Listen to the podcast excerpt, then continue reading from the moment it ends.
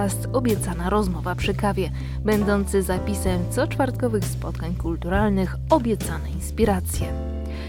Bohaterem wydarzenia był malarz i pedagog Jacek Świgulski, a rozmowę jak zwykle poprowadziła Agnieszka Janiszewska, doktorantka Uniwersytetu Łódzkiego, autorka powieści Woda Księżycowa.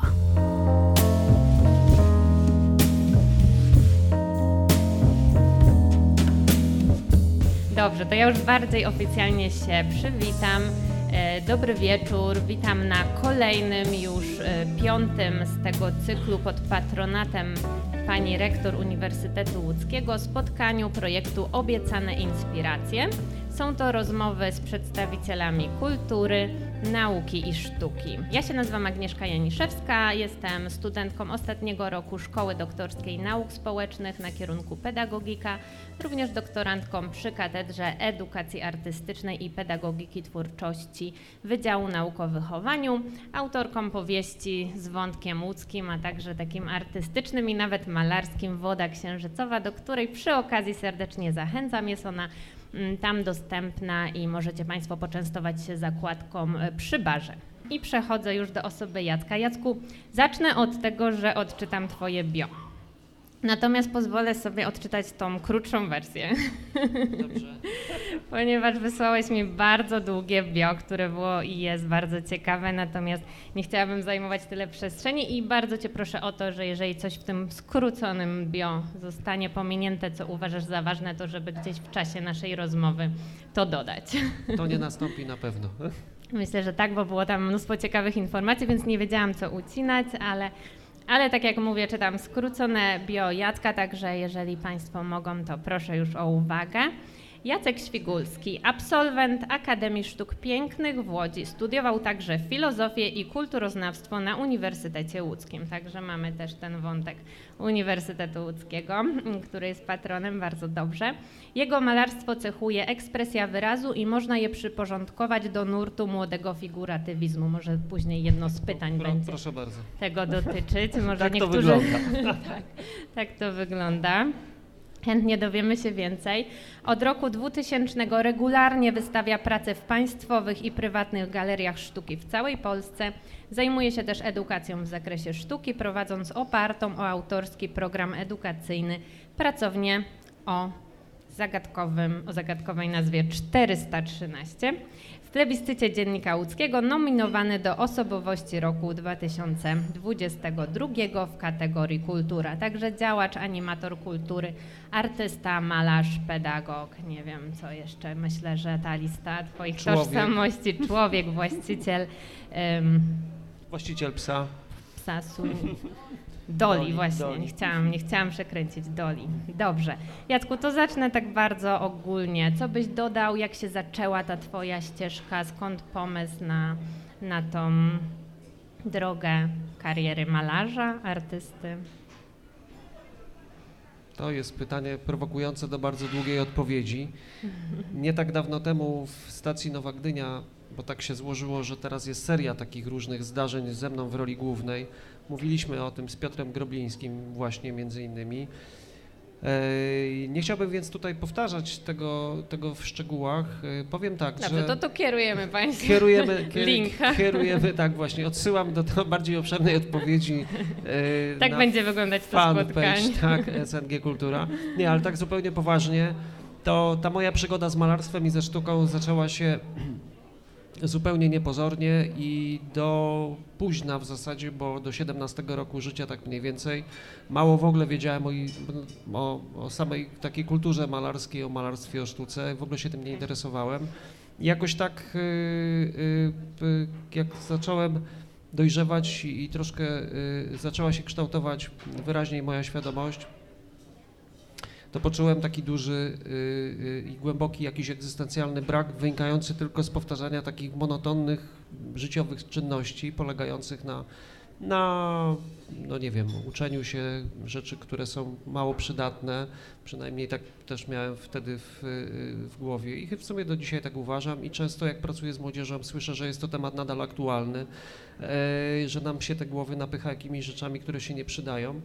No i, i, i ta wizja później jakiegoś dobrego zawodu, poważnej pracy, jakiejś takiej mega odpowiedzialności y, y, wziętej na swoje barki, no po prostu mi nie pasowała, więc zacząłem się tak z potrzeby serca i ducha zastanawiać, co mógłbym innego w życiu robić, żeby mieć większą satysfakcję z tego istnienia, skoro już tu po prostu na tej ziemi jestem, tak?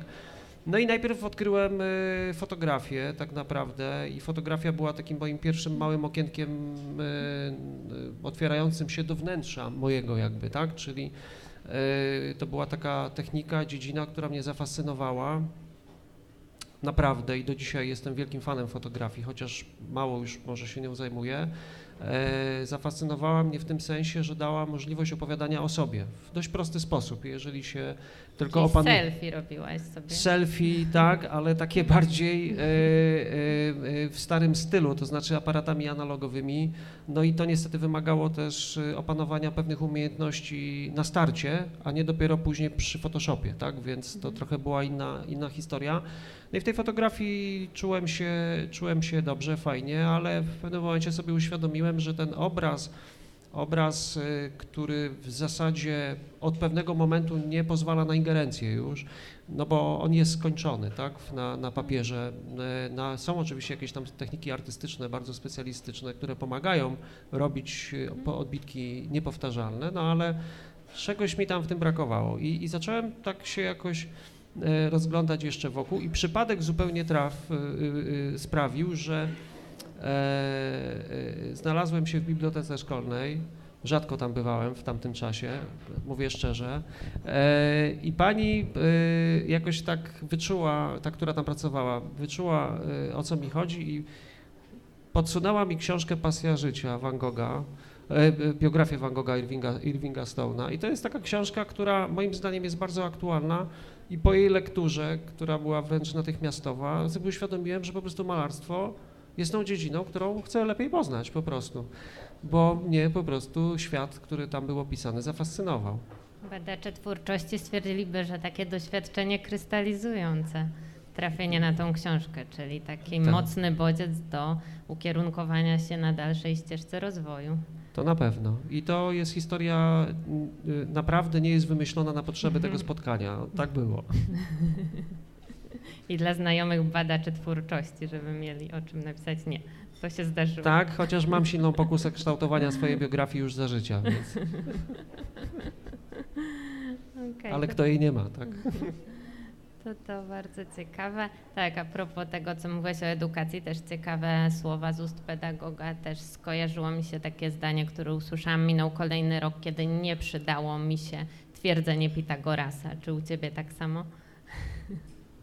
To akurat jeśli mówimy na temat przedmiotów ścisłych, to jak się Państwo domyślacie e, i Ty pewnie Agnieszka również, to nie była moja najmocniejsza strona. U mnie z tą ścisłością w przedmiotach ścisłych było mało ściśle.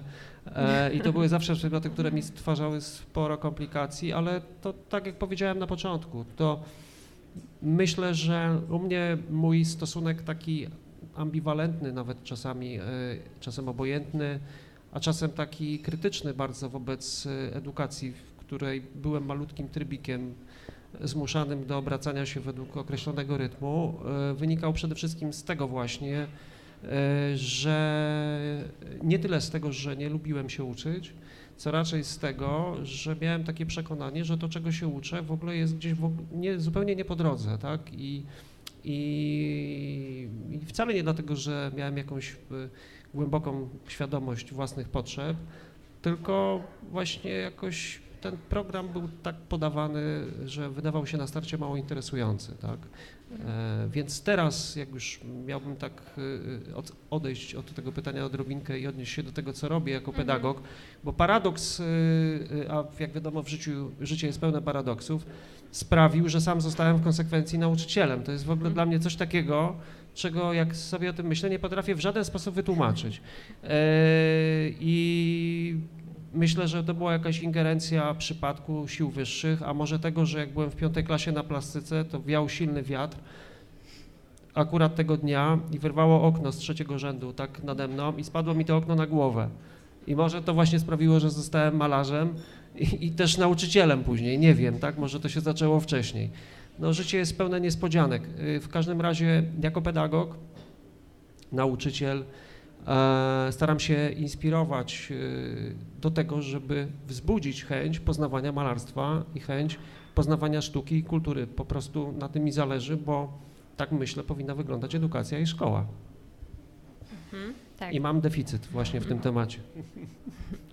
No myślę, że jesteś, musisz być bardzo dobrym pedagogiem, bo pierwsze reakcje i drugie i kolejne przy publikacji moich e, postów na temat tego spotkania były bardzo entuzjastyczne i w ogóle pojawiło się wiele komentarzy o super, o Jacek, o byłam na kursie i tak dalej. I nie żartuję wcale, ani nie koloryzuję, więc no nawet nie będąc na żadnych Twoich zajęciach mogę już domyślać się, że e, że gdzieś tam przekazujesz coś istotnego, czy też inspirujesz, czy po prostu dobrze, skutecznie uczysz rzemiosła. Powiedz właśnie coś na temat łączenia tych dwóch tożsamości, bo to jest bardzo ciekawe i niekoniecznie częste, prawda? Łączenie mm, no, tej ścieżki dydaktycznej, pedagogicznej z artystyczną, bo być może wydaje się to trochę sprzeczne. Artysta, ktoś taki trochę może oczywiście i, i mówię takimi stereotypami, no ale gdzieś niepoukładany, gdzieś szukający cały czas siebie, no a pedagog,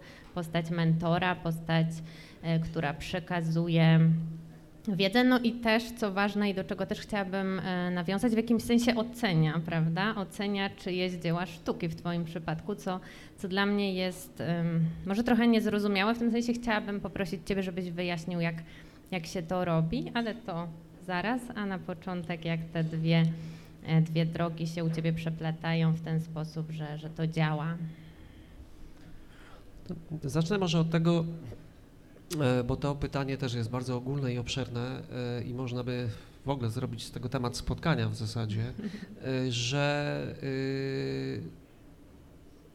to jest, to, to, że artysta żyje sobie takim artystycznym życiem, to jest w zasadzie nawet nie tyle stereotypowe, chociaż może i tak, co y, bardziej związane jest z ostatnimi mm, dwoma wiekami y, historii malarstwa, bo tak naprawdę u podstaw y, zawodu, każdego zawodu związanego z twórczością, nie tylko malarstwa, leży taka dość prosta, formalna struktura polegająca na układzie mistrz-uczeń, pracownia, tak?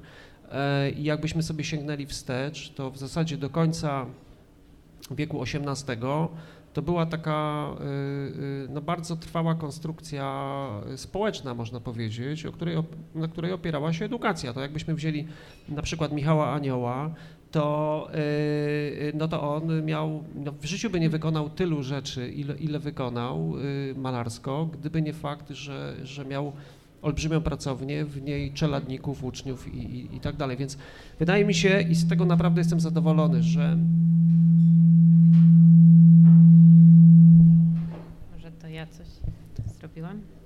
No dobrze, Jest ale okej. wszystko wróciło do normy. Wydaje mi się jestem z tego y, osobiście bardzo zadowolony i, i, i uważam to za taki prywatny y, sukces, że udało się właśnie oprzeć y, to moje życie twórczo, y, y, takie artystyczno-pedagogiczne, o taką strukturę, dlatego że to jest ruch energii w obie strony. To znaczy ja powiedzmy czegoś się nauczyłem, Mam y, y, pewne doświadczenie, chociaż ono oczywiście może być y, o wiele większe z biegiem czasu, ale, ale mam aktualnie jakiś repertuar umiejętności i pewną wiedzę, którą mogę się podzielić. I fajnie jest mieć e, kogoś po drugiej stronie biurka, kto chce tego słuchać, kto chce o tym rozmawiać i kto chce zrobić użytek z tej wiedzy, tak? Więc tutaj y, jak dla mnie nie ma żadnego, żadnego rozstrzału, to znaczy myślę, że to tak powinno po prostu być, że ja coś robię szukam jakiejś inspiracji i w świecie, i w sobie, ale też w tym feedbacku, który jest natychmiastowy w pracowni, i, i w ten sposób mogę, mogę się tutaj realizować na obu tych, tych polach. Tak? A z drugiej strony mam też taką świadomość, że to, czym się zajmuję, to, o czym myślę, tak jak nawet tutaj teraz, tak, to o czym rozmawiamy, jest adresowane do kogoś konkretnego i to nie jest wiedza, która zostanie zamknięta tylko w jakiejś tam mojej małej biografii, w moich pracach, czyli zostanie gdzieś w szufladzie, tak, to jest coś takiego, y, co ja osobiście oceniam jako y, cenna część y, tej mojej pracy artystycznej i,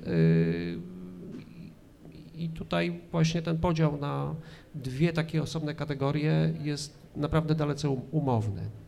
To myślę, że jest dobry moment, e, żeby może powiedzieć o tym dziele, które jest za mną, bo tak jak mówisz o łączeniu dwóch tych ścieżek i jakby o tym, co przekazujesz swoim uczniom i że oni mogą gdzieś nad tym, rozumiem, nadbudować, nad tą wiedzą, umiejętnościami, które otrzymali i dodać coś od siebie, no bo też są to twórcy, prawda, artyści, więc też jakby z pewnością chcą zrobić coś unikatowego, nowego, a tu jest jakieś takie dzieło hybrydowe. Proszę opowiedz, bo ja już więcej e, nie dodam lepiej niż ty.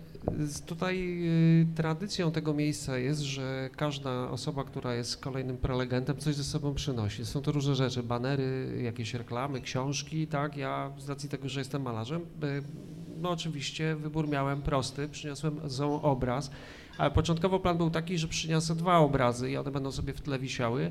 A ostatecznie e, tutaj w ostatnich dniach się okazało, że mogę przynieść Państwu też pokazać co innego i trochę się pochwalić tak częściowo ja, a częściowo mogę pochwalić się tym, że ktoś coś zrobił z mojego obrazu, bo tam na tym monitorze jest wyświetlony obraz z cyklu Wszystko dookoła, który nawet był ostatnio Państwo w galerii, widzą? galerii SNG, e, czyli w stacji, w stacji Nowa Gdynia i e, Y, i on tam wisiał w realu, natomiast tutaj wisi y, w, zamknięty w, na, na, monitorze tego monitora czy tam telewizora LCD i są w nim animowane pewne fragmenty, tak? I to uważam, że jest bardzo ciekawy pomysł. To znaczy zrobił to w ogóle Adrian Ciszek, który jest moim dawnym, dawnym, dawnym uczniem. O dziwo jeszcze mnie pamięta. E, i nawet właśnie się czymś takim ostatnio zajął, zajął i, i to mnie jakoś bardzo e, ucieszyło, e, bo się okazuje, że jak się ktoś nauczy innych rzeczy niż ja potrafię, to może też robić z tego jakieś tam inne rzeczy. Także to bardzo mi się wydaje ciekawe, tak? No, nie wiem jak Państwu, ale pomyślałem, że to jest dobry moment, żeby akurat to wypchnąć tutaj razem ze mną na, to, na ten podest. Myślę, że to też takie bardzo szlachetne, że gdzieś wspominasz i pomagasz informować o dziełach swoich e, uczniów, pedagogów, e, tak, tych podopiecznych Twojej pedagogicznej aktywności i części działalności. To powiedz jeszcze coś o tej pracowni 413. Czy to jest jakieś fizyczne miejsce, gdzie przychodzą, no tak, tak wiem, z tego co wiem jest, tak? Przychodzą ludzie i być może część z Państwa jest stałymi uczestnikami i bywalcami, bywalczyniami tej przestrzeni. Ja nie, więc zapytam i może też nie wszyscy wiedzą dokładnie, co to za miejsce. Pracownia 413 to jest taka naprawdę istniejąca pracownia w Łódzkim Domu Kultury póki co. Na czwartym piętrze numer 413, e, więc nazwa tajemnicza tak naprawdę jest e, tutaj banalna, banalna tak? I, no i w zasadzie przypadek sprawił, sprawił, tak, e, ale powiem, że to jest częsta praktyka, bo na Akademii wielokrotnie, i to, nie, to jest, nie jest tylko tradycja łódzka, spotyka się czasem y, takie informacje, że pracownia, nie wiem, 325 robi wystawę, tak? tak? Y, I y, jest tam oczywiście dopisek, kto uczy w tej pracowni, ale jakby ten temat nazwy jest tematem czy tytułem wystawy bardzo często. Mhm. Więc pracownia 413 mm, to jest takie miejsce edukacyjne w zakresie rysunku i plastyki, ale też w szeroko rozumianej, nie wiem, e, świadomości Mhm. ku- kultury, można o, w ten sposób, e, która y, y, to oferta jest adresowana do młodzieży zdającej na akademię, e, do młodzieży takiej, która już skończyła studia, ale wciąż poszukuje swojej drogi i do takiej młodzieży, która już się napracowała, poszła na emeryturę i chce zacząć uczyć się na nowo i czegoś nowego poznać. W związku z tym to jest pracownia młodzieżowa w każdym tego słowa znaczeniu, tak, bo tam Okej. nas... E, I naprawdę wszyscy są w tym miejscu fajni. E, no już nie wspomnę o sobie, tak, ale, bo nie wypada, ale, ale, ale, Masz przestrzeń, żeby ale mówić o ogólnie, sobie. ogólnie Proszę. jest to miejsce, jak to się mówi teraz, takie pozytywne e, i, i rozwojowe. No tak przynajmniej ja zakładam i, i, śmiem e, sądzić, że tak jest, ponieważ do tej pracowni przychodzi sporo osób. E, Przewija się, mówiąc kolokwialnie, e, przez przestrzeń pracowni 413 sporo przeróżnych ludzi, przeróżnych osobowości. Część z tego strumienia osób pozostaje w pracowni na dłużej. E, Na ogół jest tak, że jak ktoś wytrwa na jakiś powiedzmy taki moment próbny, weryfikujący, gdzieś go tam to malarstwo zahaczy, bo głównie ta formuła odnosi się do malarstwa tak naprawdę, ale, ale rysunek gdzieś tam też ciągle jest w tle, to już później mamy ze sobą kontakt przez kolejne lata i, e, i tutaj nawet na tej sali, nie będę pokazywał palcem, żeby nikogo nie kompromitować, broń Boże, ale są to takie osoby, które są w kontakcie, czy ze mną, czy wszyscy jesteśmy w kontakcie, tak, w obie strony, e, od wielu, wielu lat, tak. Wspomniałem tutaj o Adrianie Ciszku, No, on jest właśnie przykładem takiej osoby, między innymi, ale tutaj takich dinozaurów siedzi, widzę, dużo. No to chyba tylko świadczy o tym, że pracuje się z tobą bardzo przyjemnie i też przynosi to korzyści twórcze. Czyż nie? E, Na pewno daje mi dużo satysfakcji. Tak jak powiedziałem, nie mam tego poczucia, że jestem zmęczony, nie chce mi się iść do pracy, chociaż nieraz jestem zmęczony i nieraz naprawdę mi się nie chce iść do pracy, ale to nie dlatego, że mam niefajną pracę i nie chcę tam iść, tylko dlatego, że po prostu czasem mam tak dużo różnych rzeczy na głowie, jak na przykład z początkiem tego roku, to w zasadzie nie wiem y, za specjalnie za co mam się zabrać, ponieważ wszystko wymaga pielęgnacji dookoła, tak? I, i sporo wątków jest jednocześnie ciągniętych. No, taki ma charakter ta praca. E, Dodatkowo jeszcze jeździmy na plenery. E, Ja robię, y, czego tutaj y, Małgosia jest świadkiem, też sporo takich rzeczy, które są otwartą formułą edukacyjną, bezpłatną, czyli robię jakieś oprowadzania po wystawach.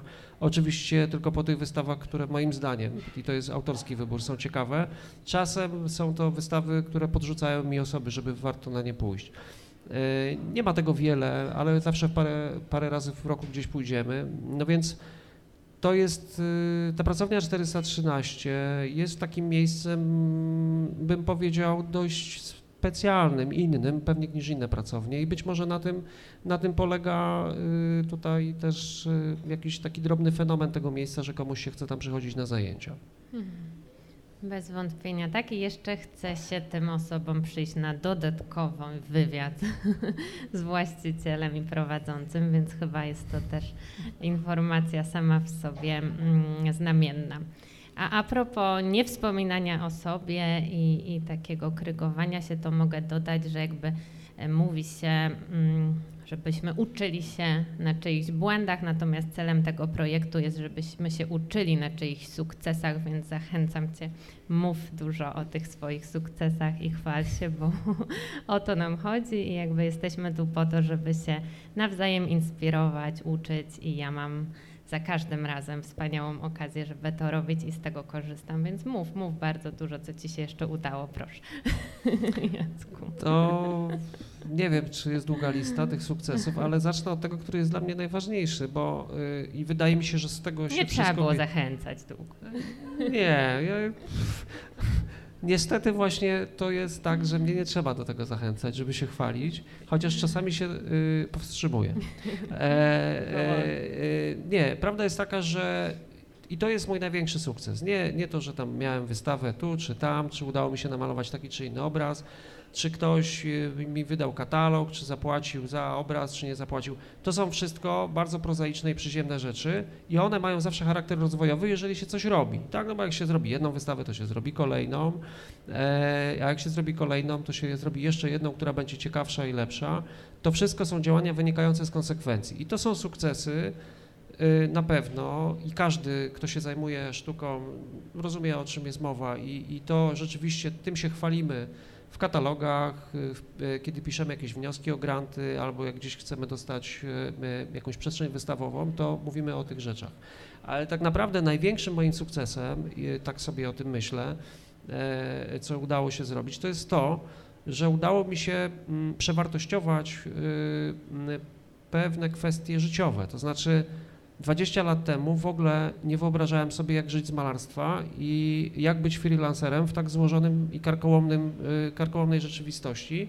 I uważam, że zacytuję, zacytuję tutaj pewną panią, która jest obecna, jestem szczęściarzem właśnie z tego powodu, że, y, że właśnie udało się dokonać czegoś, co 20 lat temu wydawało się absolutnie niemożliwe.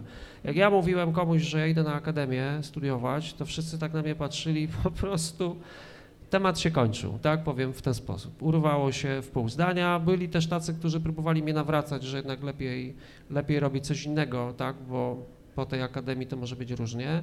Mhm. I ja w sumie dzisiaj, jak pracuję z młodzieżą, która idzie na akademię, też mi to mówię, tak, żeby wiedzieli, że na akademię nie ma po co iść, jak ktoś nie ma pomysłu na to, co po akademii. Mhm. Co prawda ja poszedłem na akademię nie mając żadnego pomysłu i wiem, że teraz tracę wiarygodność, ale, ale jak byłem już na akademii, to myślałem o tym, co dalej, tak? Y, I, i tak sobie y, pomyślałem, że no to nie będzie łatwe tak naprawdę. I, a okazało się w konsekwencji e, tych wszystkich splotów sytuacji, zdarzeń, niezliczonej ilości spotkań odpowiednich osób, tak, że coś, co było niemożliwe, stało się moją rzeczywistością i moim udziałem. E, I aktualnie jest tak, że że y, no, po prostu urzeczywistniła się jakaś historia, którą no, wydawało się, że nie da się tego zrobić. Tak? Hmm. To od razu chciałam właśnie zahaczyć na ten o ten wątek pracy na swoim, bycia freelancerem, bo też dość mocno podkreślasz to w tych swoich bio długich, ale krótkich też. Zostawiłam ten ustęp, bo, bo jest ciekawy i jest ciekawym zagadnieniem być może też dla niektórych z Państwa, którzy przyszli się tu właśnie zainspirować do tego, aby realizować swoje cele, marzenia twórcze i gdzieś może założyć swój biznes czy, czy swoją pracownię artystyczną otworzyć, prawda? Mamy różne e, mniej lub bardziej. Mm, tajemnicze cele i marzenia, o których nie zawsze chcemy się dzielić. No więc powiedz, co tutaj było trudnego, czego się nauczyłaś, jak ta ścieżka freelancera u Ciebie wyglądała? Mm, no właśnie skąd ta taka chęć potwierdzenia, e, podkreślenia tego, nie jestem związany z żadną instytucją. Co to daje?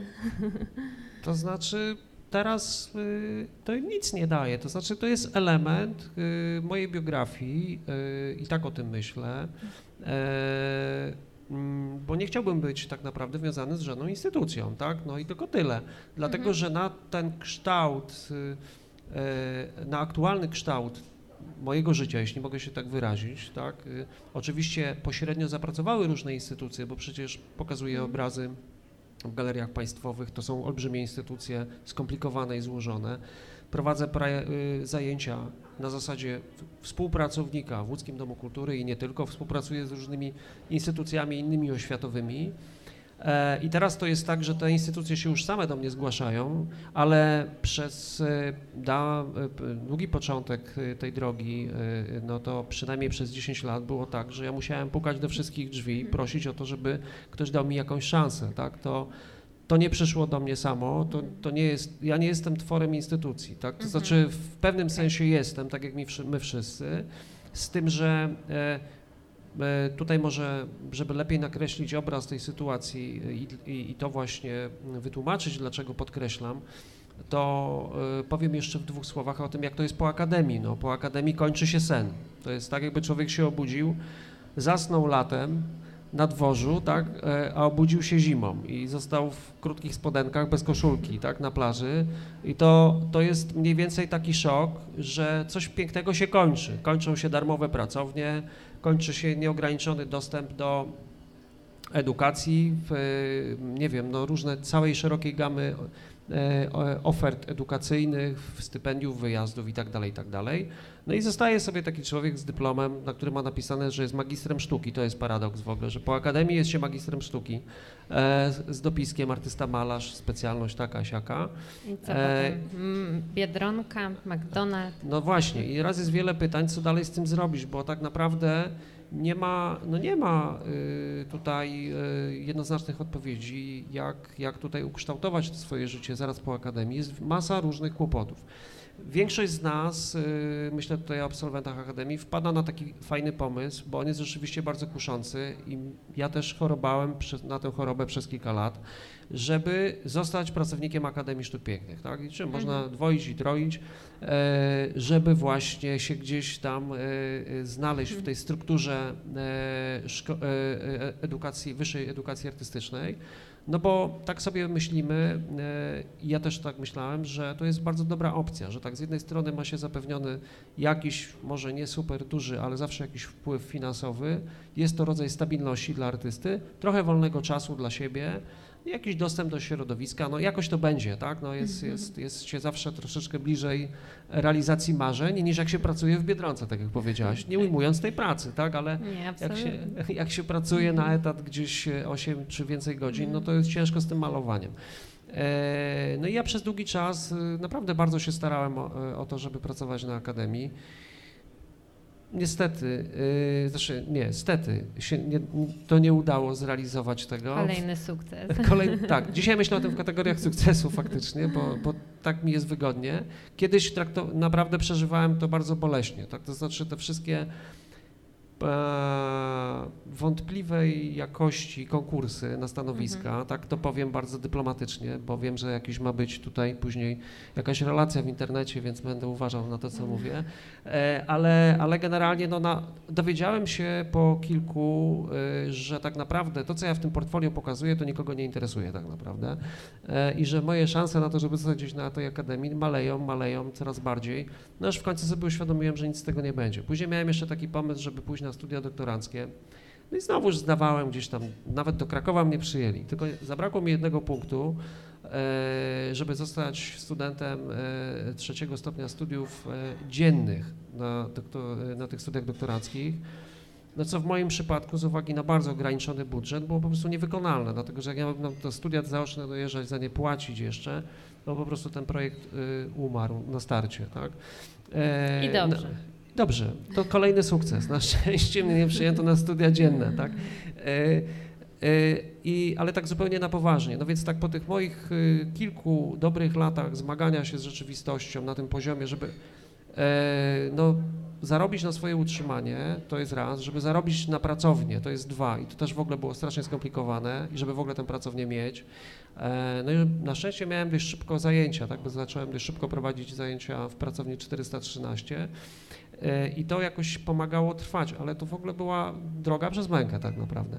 Dlatego teraz, jak udało mi się troszeczkę stabilniej stanąć na nogach, e, i to bio, o którym mówisz, to ono powstało, ono powstało Jest na... wiarygodne i ma umocowanie w faktach. Tak, ono jest wiarygodne, jak najbardziej, ale ono nie jest tym bio zawieszonym gdzieś tam przy okazji moich różnych działań e, twórczych, tylko ono było zawieszone i jest jeszcze do tej pory na tym moim profilu przy okazji tego plebiscytu, który jeszcze wciąż trwa przez tydzień, bo tam chciałem, żeby to było podkreślone, dlatego że ja tam wylądowałem na tej liście kandydatów pośród niemalże samych kierowników, dyrektorów i różnych innych osób, które mają etat w jakichś pracowniach, e, w takich instytucjach państwowych, tak, więc chciałem się w jakiś sposób odróżnić, bo nie mogłem sobie napisać kierownik pracowni 413, bo to byłoby głupie, tak, więc napisałem, że jestem freelancerem, tak, no i bo jestem freelancerem i mało tego, chcę już tak, żeby tak zostało, nie chcę już okay. pracować z żadną instytucją, na stałe.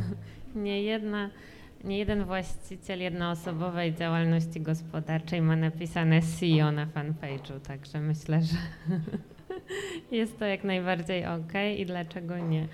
Mhm. No, słyszę tak, dużo, dużo mówisz o takich zmaganiach się z tymi przeszkodami, co też jest myślę dla nas cenne, no bo oczywiście e, chcemy mówić o sukcesach, chcemy mówić o tym, co się Tobie udało, ale też nie chodzi o to, żeby czegokolwiek koloryzować, tylko żeby ta inspiracja była taka głęboka i żeby pokazać prawdziwy obraz tego, jak wygląda takie życie freelancera, jak wygląda taka ścieżka rozwoju no, osoby, która jest uparta, żeby robić swoje i spełniać swoje marzenia i gdzieś tam nie poszedłeś na żadne duże kompromisy z żadną przynajmniej instytucją, tylko wypracowałeś tą swoją drogę. Powiedz jeszcze o tych może no, cechach, które udało Ci się przy okazji wykształcić, no, gdybyś mówił tak trochę mentorsko, pedagogicznie dla kogoś, kto no załóżmy chciałbyś się właśnie na Twoim przykładzie wzorować, tak? No po pierwsze determinacja, taka, taka jak powiedziałam wręcz upór, tak nazwijmy to w takim pozytywnym sensie i jakby nie poddawanie się przy każdej kolejnej próbie lub też przekuwanie tych e, sytuacji, które w danym momencie wydawały się niekorzystne, jak może to mm, te przygody z, z aplikacją na ASP, czy też krakowskie, czy łódzkie, tak? Mm, przekuwanie tego, tak. Na okej. łódzkiej. Ja jestem po łódzkiej szkole, tak? Mm, tak, mówię tylko o tej aplikacji na studia doktoranckie, doktoranckie. a, to czy, do Krakowa. Czy, tak. Właśnie i jakby przekuwanie tego na korzyści, tak, na takie mocne strony. Co jeszcze jest ważne? Jakie cechy osobowości? Czy też je wykształciłeś? Czy, czy miałeś może i z tym nie da się nic zrobić, bo trzeba się urodzić? Jakie jeszcze są właśnie cechy, które pomogły Tobie e, w tej mm, karierze twórcy i pedagoga? No to jest bardzo zobowiązujące pytanie. Nie wiedziałem, że w takim momencie życia już jestem, że daję rady, ale, ale yy, nie wiem, no wydaje mi się, że najważniejsza sprawa jest, żeby to, co się robi, robić z potrzeby serca po prostu, Mhm. tak? No bo to bardzo ułatwia. No ja nie mógłbym, yy, nie wiem, może i bym mógł, tak, ale mm, yy, z malarstwem było dla mnie o tyle proste, że to jest dziedzina, którą sobie tak ukochałem, mogę powiedzieć, tak? To znaczy bardzo chciałem malować i to był taki cel sam w sobie, tak? No chciałem gdzieś po prostu e, zająć, zajmować się tym głębiej, bliżej, coś tam o sobie opowiadać, o świecie i takie miałem naiwne przekonanie, które okazało się jakoś troszkę zaskoczyło, że to, o czym chcę w tych obrazach opowiadać, no nie jest też tak zupełnie obojętne dla wszystkich. E, No i jakoś to tak trochę popłynęło, natomiast no, mówię tutaj o, o jakby a propos wyboru ścieżki, tak, to nazwijmy, czyli ja jestem głęboko przekonany, że jeżeli uświadomimy sobie, co jest dla nas ważne i pójdziemy za tym głosem, za głosem intuicji i serca, no to to się nie może nie udać po prostu, tak, tak jestem przekonany. Natomiast jak wybieramy sobie, obieramy sobie cel, który nie, nie jest jakby dla nas, tak, no nie jest nam z nim po drodze i są to cele, które są jakby trochę dyktowane zmieniającymi się modami, jakimiś e, zewnętrznymi czynnikami, tak? Albo naszymi jakimiś takimi pragnieniami, które są budowane jakimś wyobrażonym, wyimaginowanym trochę życiem, to z tym jest zawsze trudniej, tak? I to się kończy jakimś e, no, konfliktem wewnętrznym, konfliktem z rzeczywistością może nawet czasem też. I, i myślę, że i, i tego uczę akurat na zajęciach, że, bo te zajęcia też które prowadzę, one, one jakby na tym poziomie są edukacyjne e, i po to się też wszyscy uczą tego rysowania i malowania, żeby sobie w tym pierwszym roku, czy w ciągu pierwszych dwóch lat odpowiedzieli na pytanie, czy malarstwo to jest w ogóle to, co oni chcą robić, tak? No bo jeżeli nie, to to też jest sukces pedagogiczny. Ktoś sobie uświadomił, że po prostu to nie jest dla niego i dalej z tym nie pójdzie, tak? E, Tu natomiast... jesteś takim w pełni mentorem, coachem wręcz. Może tak, nie wiem, to już by należało tutaj publicznie o to Mhm. dopytywać.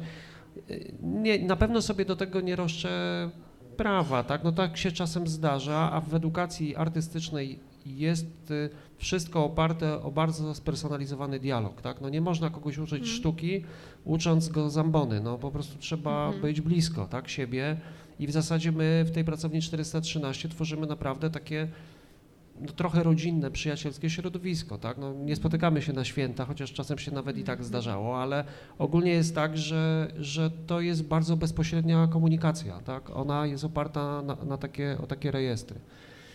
Czyli Natomiast tak, indywidualne podejście. Tak musi być w edukacji artystycznej i tak zawsze było. I jeżeli tego nie będzie, bo będzie na przykład edukacja artystyczna online, no to nie będzie sztuki, no bo po prostu tu się już nie da tego inaczej zorganizować. Tak? To jest wszystko oparte o kontakt z człowiekiem. Taki prawdziwy i na wielu poziomach.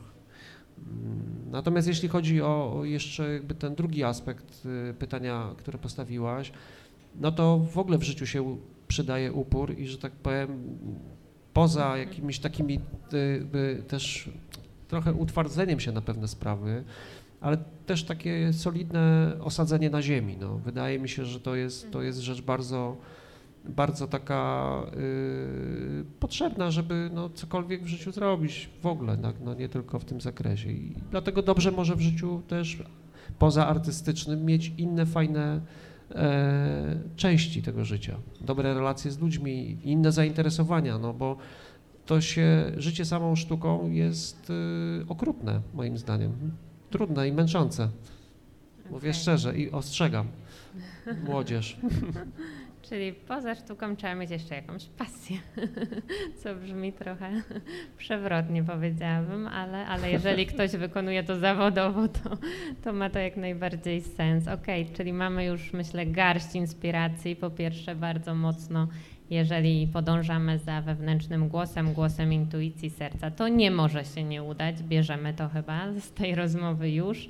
No i poza tym upór, konsekwencja i, i właśnie to osadzenie na ziemi, mocne stanie na nogach, które ustami artysty brzmi też tak e, ciekawie i myślę bardzo też warto to sobie jako tą inspirację wziąć do domu, bo, bo też się to nie kojarzy tak stereotypowo. Artysta mocno osadzony na ziemi, który mówi o tym, że trzeba tu właśnie być takim przyziemnym i, i się z tym wszystkim konfrontować, ale myślę, że jak najbardziej można się zgodzić, że jest to e, konieczne. Mm, Dobrze.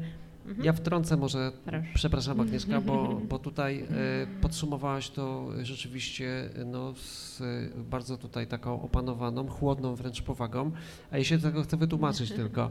Nie, to, korekty. to bardzo, nie, bardzo, Mojej bardzo, percepcji. bardzo dobrze, bardzo dobrze to zabrzmiało, tak w ogóle bardzo poważnie. To ja nawet nie wiedziałem, że taką To poważną rzecz słowa. powiedziałem przed chwilą, tak? Dlatego się tego wystraszyłem i chcę to wytłumaczyć.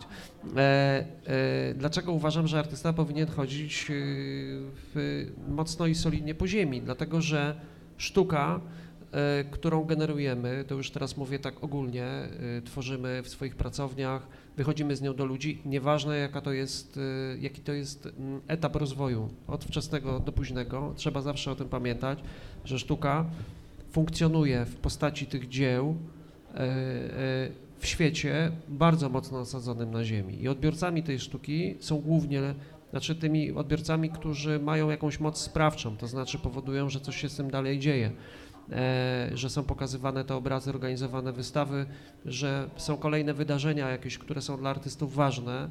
E, to wszystko się dzieje w bardzo realnym świecie i po prostu y, prędzej czy później każdy człowiek, który no, chce no, zrealizować takie, takie idealistyczne założenie życia ze sztuki w jakiejkolwiek formie, czy w takiej jak ta moja, że jest to łączone e, z działalnością pedagogiczną, czy być po prostu zupełnie e, pochłoniętym malarstwem, no nie da rady e, przepchnąć tych swoich wszystkich pomysłów, jeżeli nie będzie wiedział nic o tym świecie, w którym funkcjonuje i nie będzie, powiem, zabrzmi to brzydko, grał w te karty, które tutaj są.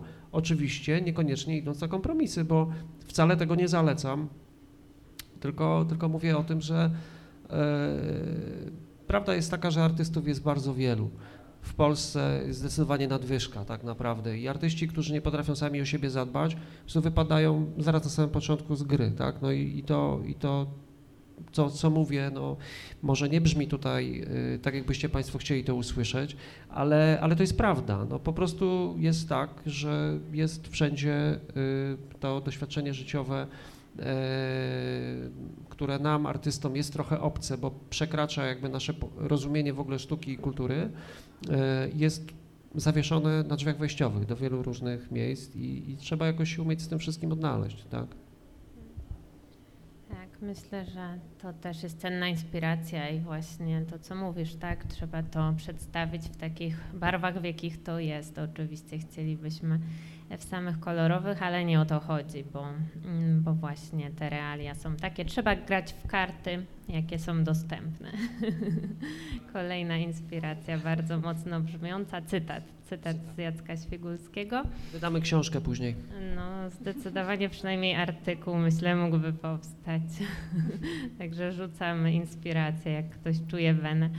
Dobrze, chciałabym wrócić do tego pytania, które już właściwie gdzieś zadałam na początku i ty też teraz e, odwołałeś się gdzieś tam pomiędzy mm, innymi wątkami do, do właśnie oceny czyichś dzieł sztuki, bo to jest ciekawe, tak? E, badacze twórczości e, rozumieją, czy też postrzegają, analizują to zjawisko w takich czterech wymiarach procesu twórczego, osobowości twórczej, o której już rozmawialiśmy tu na przykładzie Twoich sukcesów i Twojej drogi i wykształconych tych, tych różnych przymiotów e, środowiska, czyli różnych inhibitorów. Tak jak mówisz, trzeba grać w te karty, które są, no, czyli rozumiem, jakieś te karty mogą być też niektóre pechowe czy, e, czy trudne, ale też stymulatorów, czyli jakichś e, aspektów, które nas wspierają, motywują. Mm, no i ostatnie to jest dzieło sztuki i tutaj dużo się mówi, że jest trudno stworzyć kryteria do oceny dzieła sztuki. No ty jako pedagog twórczości bardzo konkretnej, malarstwa, no musisz w jakiś sposób to potrafić, musisz mieć jakieś kryteria w głowie, skąd wiesz, że obraz jest dobry,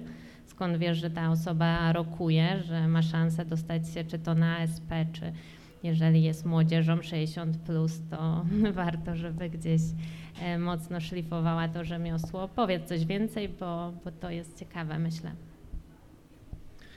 No, y, trochę mnie zatkało. Dałam Dlatego ci oddech po prostu takim mini wykładem. Przeczytałem y, tutaj y, przed przyjściem, ze zrozumieniem nawet przeczytałem te hasła, które miały na mnie spaść i faktycznie to od samego początku budziło moją wątpliwość. Znaczy w sensie jak na to odpowiedzieć z sensem, bo no bo tak, dzieło sztuki nie ma, jednoznacznych ocen, nie ma jednoznacznej oceny dzieła sztuki. Dzieło mm. sztuki samo w sobie wymyka się ocenie, tak? No bo to, co możemy oceniać, to jest tylko ta tkanka warsztatowa. To zaraz będzie z tego dyskusja na pewno, bo my się zawsze przy tym w takiej okazji kłócimy Coś tutaj. kontrowersyjnego nam się udało chwycić. Tak, Dobrze. tak, to będzie kontrowersyjne pytanie. Tak, z oceną dzieła sztuki, dzieła sztuki jest kłopot, yy, ponieważ yy, nie istnieją, tak jak powiedziałem, jednoznaczne e, i, i, takie e, bardzo oczywiste kryteria oceny tego dzieła sztuki. Mało tego, one nie istnieją w sensie pozytywnym ani w sensie negatywnym. To znaczy, bardzo ciężko jest e, jednoznacznie stwierdzić, że coś jest dobre albo coś jest zupełnie do bani. Tak? To to po prostu nawet nie wiadomo do końca, co jest kiczem. Powstało na to kilka o tym kilka albo kilkanaście książek, każdy ma jakieś inne swoje pomysły. Możemy wyłowić z tego pewną bazę, grupę jakichś e, e, cech, e, i, które jeśli znajdą się w tym dziele, no to determinują jego jakość, tak? Natomiast to, to jest wszystko bardzo subiektywne. No i tu się zaczynają właśnie problemy i komplikacje, ale na poziomie przygotowania do akademii tych komplikacji jest zdecydowanie mniej, dlatego że tam przygotowujemy się, ja przygotowuję, ktoś przygotowuje się na poziomie warsztatowym. Co prawda, e, jak wszystko w naszych czasach się komplikuje, takich, te kryteria się powoli zaczęły komplikować, ponieważ akademie w ostatnich czasach odchodzą od takich klasycznych warsztatowych e, e, egzaminów i, i coraz częściej sprawdza się kompetencje osób przyjmowanych na akademię jedynie pod kątem e, ich takich predyspozycji artystycznych i wrażliwościowych, można powiedzieć. E, w związku z tym są to przeglądy prac e, podanych w teczkach, czasem w postaci plików, PDF, także nikt już nawet w to specjalnie nie wnika, więc tutaj też się już te kryteria rozmywają. No więc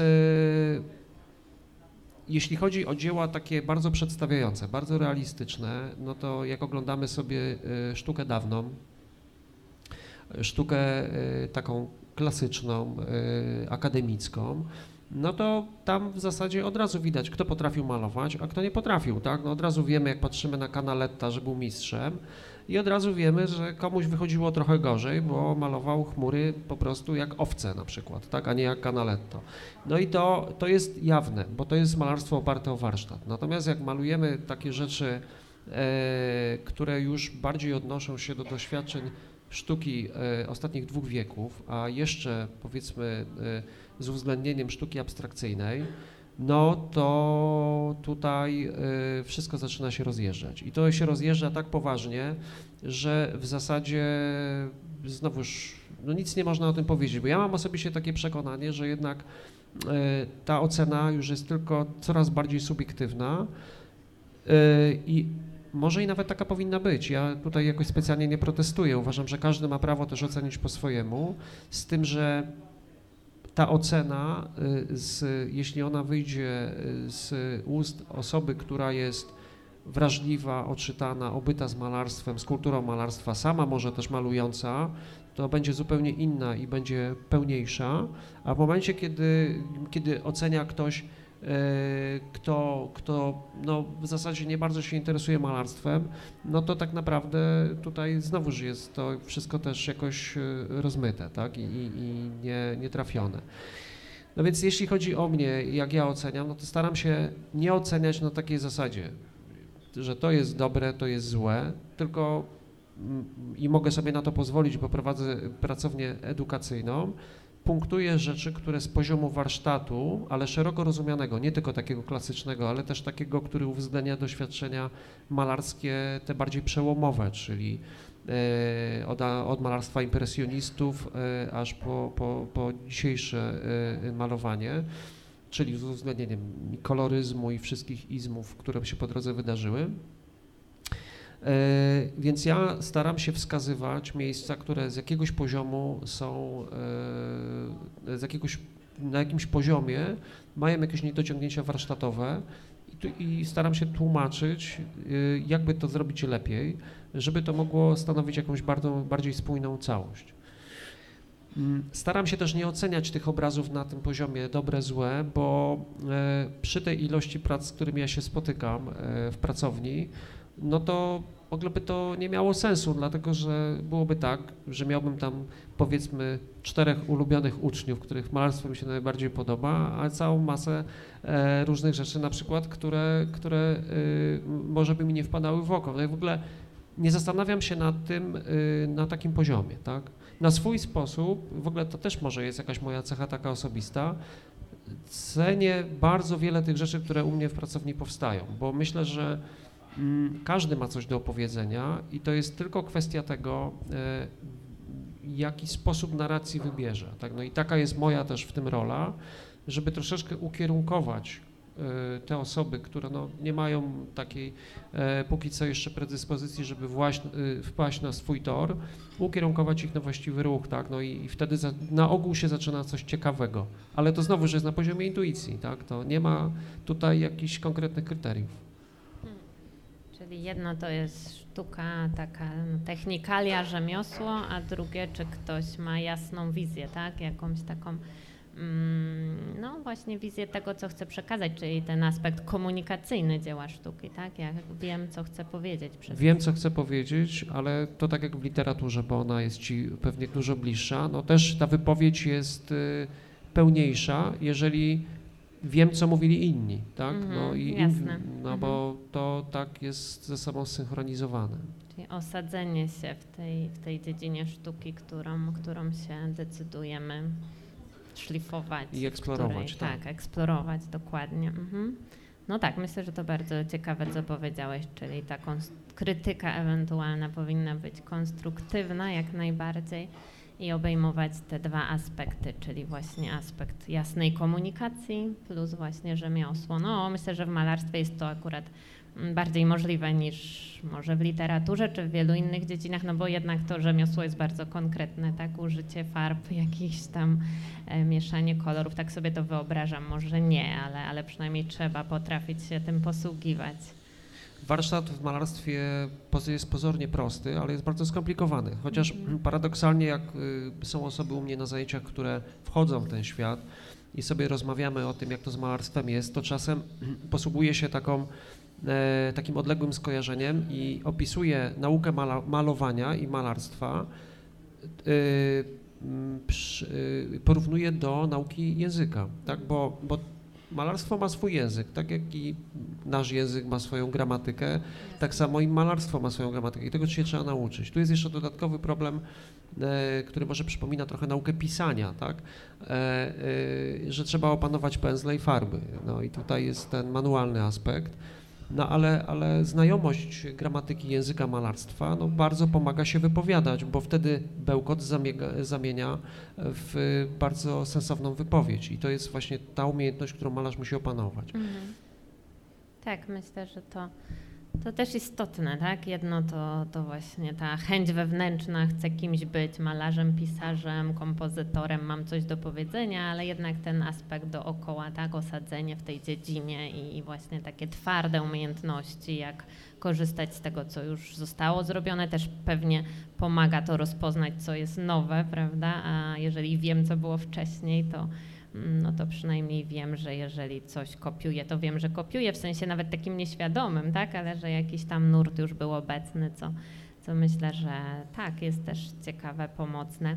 Powiedz jeszcze o Van Goghu, ponieważ gdzieś w naszej rozmowie takiej przygotowawczej do tego spotkania pojawiło się pojawiła się ta postać, a ma to też związek z tym, e, o co wcześniej zapytałam i co teraz rozwinąłeś, e, wątek właśnie nauczania, ewaluacji, tak, e, twórczości, no bo można przegapić pewne perełki, tak jak przegapiony został ze swojego życia ten artysta, który na ile wiem sprzedał tylko jeden obraz swojemu bratu, no więc jest to bardzo ciężkie, trudne do uwierzenia. Mm, No i właśnie i jak, jak rozmawialiśmy, jeżeli mogę tutaj Ciebie zacytować, powiedziałeś, zresztą sam odwołałeś się na początku do tej zbeletryzowanej biografii artysty Pasja Życia, też miałam okazję ją czytać i też zrobiła na mnie spore wrażenie, mm, że, że zrozumiałem o co chodziło Van Goghowi, to jeżeli mogę Cię zapytać o co chodziło Van Goghowi i właśnie dlaczego jest on jednym z takich Twoich no, idoli czy, czy takich mentorów. Mm, Van Gogh y, to jest taki malarz y, dla mnie, którego ja właśnie długo nie mogłem zrozumieć, o co mu chodziło, tak? Bo wszyscy, y, wiecie jak to jest. E, e, Mickiewicz wielkim poetą był, tak? No, Van Gogh był wielkim malarzem, wszyscy o tym wiedzą, namalował słoneczniki i jak ja te słoneczniki gdziekolwiek widziałem, to nie rozumiałem, dlaczego to jest taki świetny obraz, bo widziałem dużo innych ciekawszych obrazów. I w sumie tak naprawdę Van Gogha to zrozumiałem no, znaczy nie wiem, czy w pełni zrozumiałem, o co mu chodziło, ale, ale to malarstwo jakoś się otworzyło e, przede mną. Dopiero, e, e, nie wiem, na czwartym, piątym roku na Akademii, kiedy mi się różne rzeczy poukładały w głowie i kiedy sam się troszeczkę bardziej zaangażowałem w malowanie takie swoje, a nie tylko realizowanie tematów e, studyjnych w pracowniach, kiedy zacząłem tak troszeczkę bardziej samodzielnie funkcjonować e, ze swoją świadomością e, w życiu, a tak naprawdę to najbardziej zrozumiałem Van Gogha dopiero jak pojechaliśmy z moją żoną Moniką e, na Prowansję. Tak dodam Moniką, bo może mam więcej żon, nie wiadomo. to trzeba zawsze doprecyzować. Obecną na sali, więc lepiej nie mówić o tych Eee, pozostałych.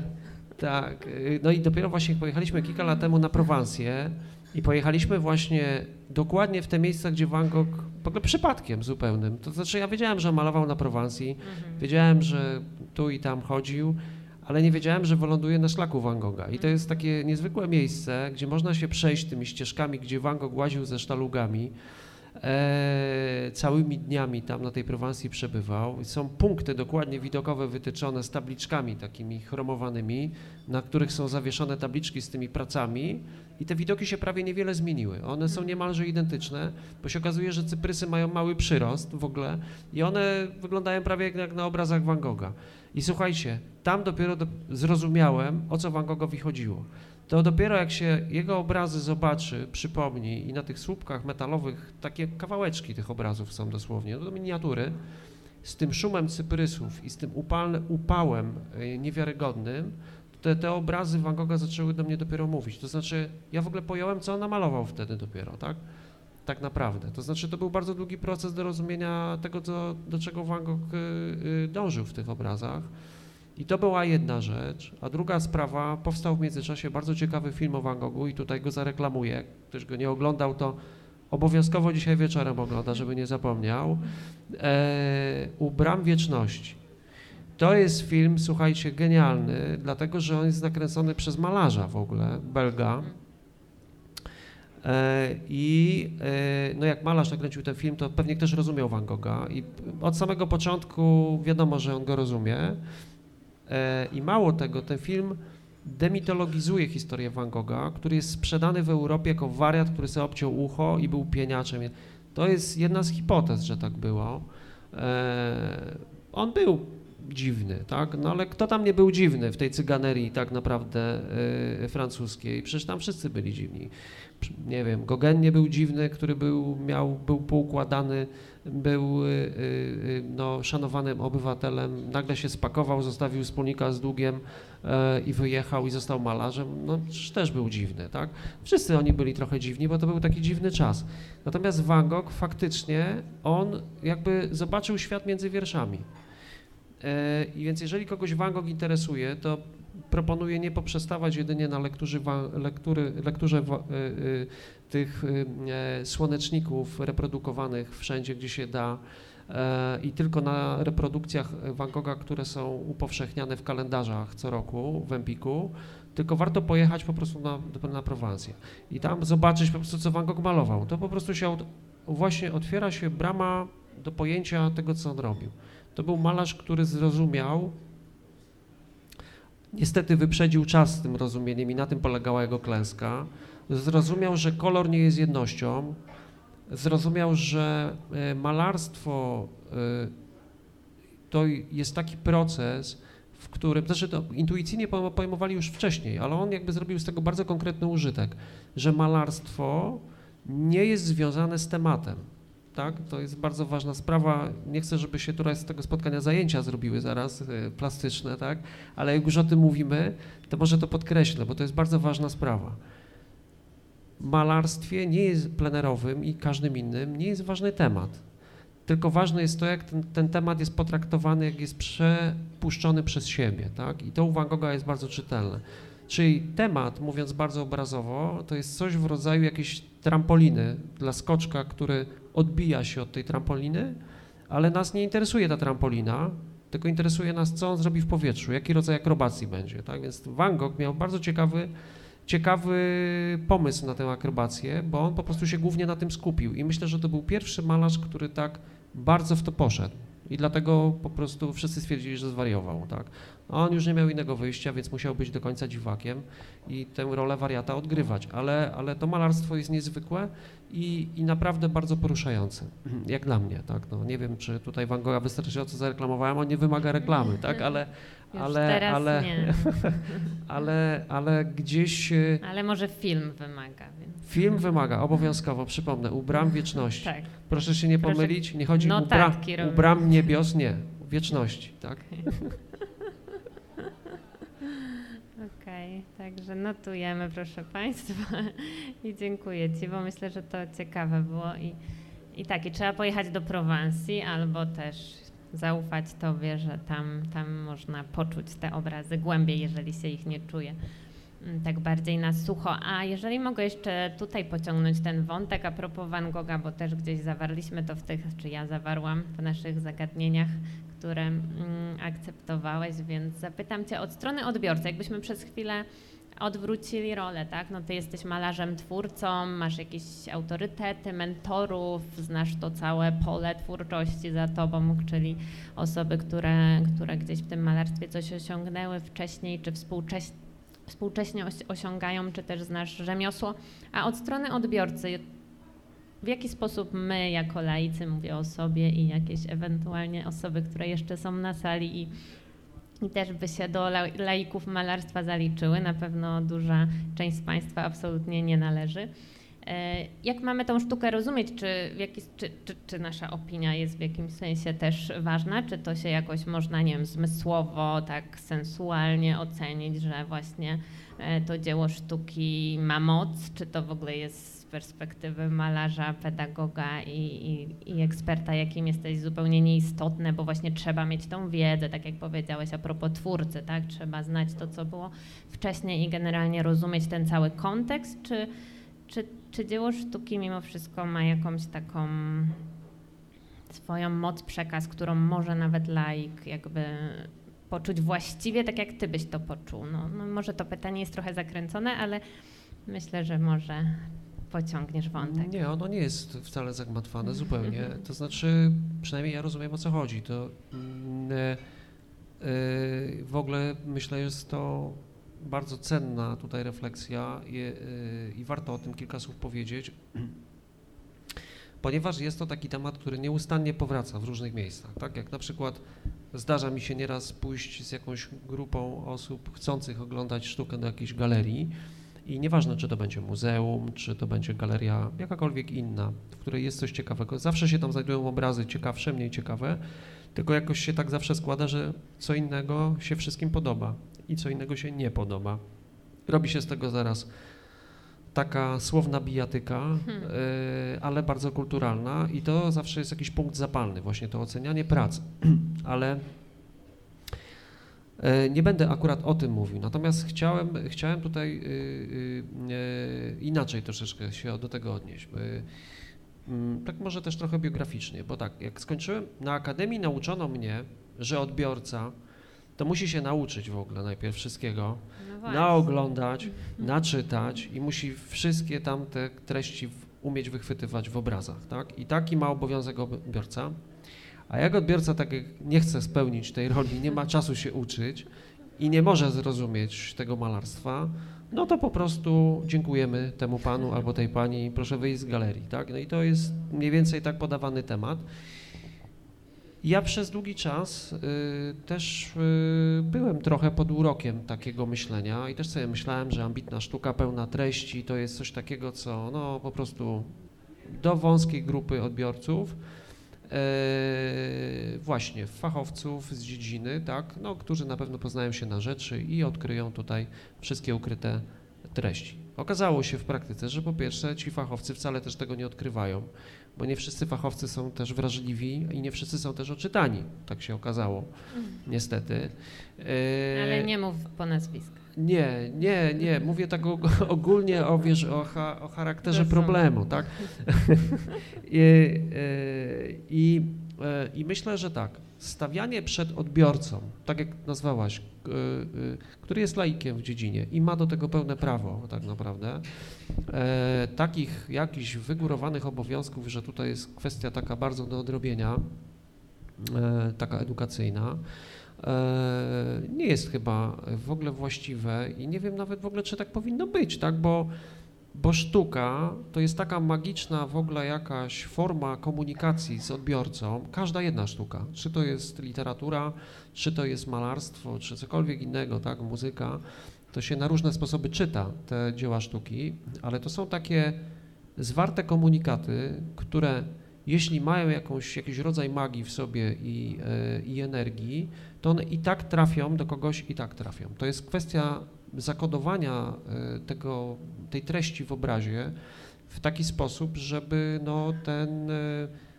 komunikat, to nazwijmy tak ogólnie, czyli treść, która jest istotna dla twórcy, no, stała się w jakiś sposób czytelna dla laika. I hmm. wydaje mi się, no, w literaturze wszyscy jesteśmy oswojeni z taką rzeczywistością, że najtrudniej jest napisać, pisać o trudnych rzeczach w sposób prosty, tak? No i w malarstwie jest dokładnie tak samo, tak? To, to jakby jest inne medium, e, inaczej czytamy obraz, bo ten obraz jakby jest odczytany w jednym momencie, w momencie, kiedy go oglądamy, tak? No książkę musimy czytać godzinami, ale ta, ta forma przekazu treści, e, pomimo tego, że jest tak inna, ona dociera jakby pozawerbalnie, to znaczy świadomość tego, czy ja na przykład nawiązuję w obrazie do, e, poprzez gest nadany postaci, figurze w kompozycji nawiązuje do sztuki renesansu, czy tam do kogokolwiek innego, czy tam jakiegoś malarza, który jest moim ulubionym,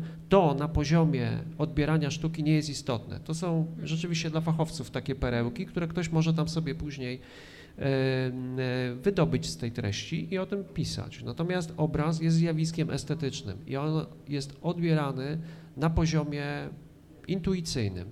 Więc jeżeli miałbym komuś y, dawać jakieś wskazówki, jak sztukę oglądać, bo zdarzało mi się wielokrotnie słyszeć, że poszliśmy do muzeum i ktoś podszedł do mnie i mówi Jacek, wytłumacz mi, dlaczego ten obraz wisi w muzeum. No, to jest pytanie, które wielokrotnie słyszałem, tak? To znaczy muzea, tak przy okazji powiem, nie pokazują sztuki dobrej, bo muzea, pierwsza podstawowa za, y, pierwszy podstawowy obie, obowiązek tkwiący na tych muzeach to jest gromadzenie i upowszechnianie, więc tam się nikt nie zastanawia, czy to jest dobre, czy niedobre, tylko gromadzi i upowszechnia, tak? No to jest też może odpowiedź na takie pytanie, dlaczego taki obraz wisi. Ale warto o tym pamiętać. Trzeba się oczyścić z oczekiwań. No po prostu, bo jeżeli my mamy oczekiwanie konkretne, tak, że chcemy zobaczyć, idę na wystawę zobaczyć piękne obrazy na przykład, tak? Słowo piękne nam się kojarzy z poprzednim spotkaniem, ale dobra, niech będzie. Idę na wystawę oglądać piękne obrazy. A tam same brzydkie wiszą na przykład, tak? I co? Bohomazy. Wychodzę czy zostaję, tak? No właśnie, obraz może być różny, tak? To jest forma jakiegoś e, przekazu oparta o bardzo zindywidualizowany język i sposób przekazywania tych treści.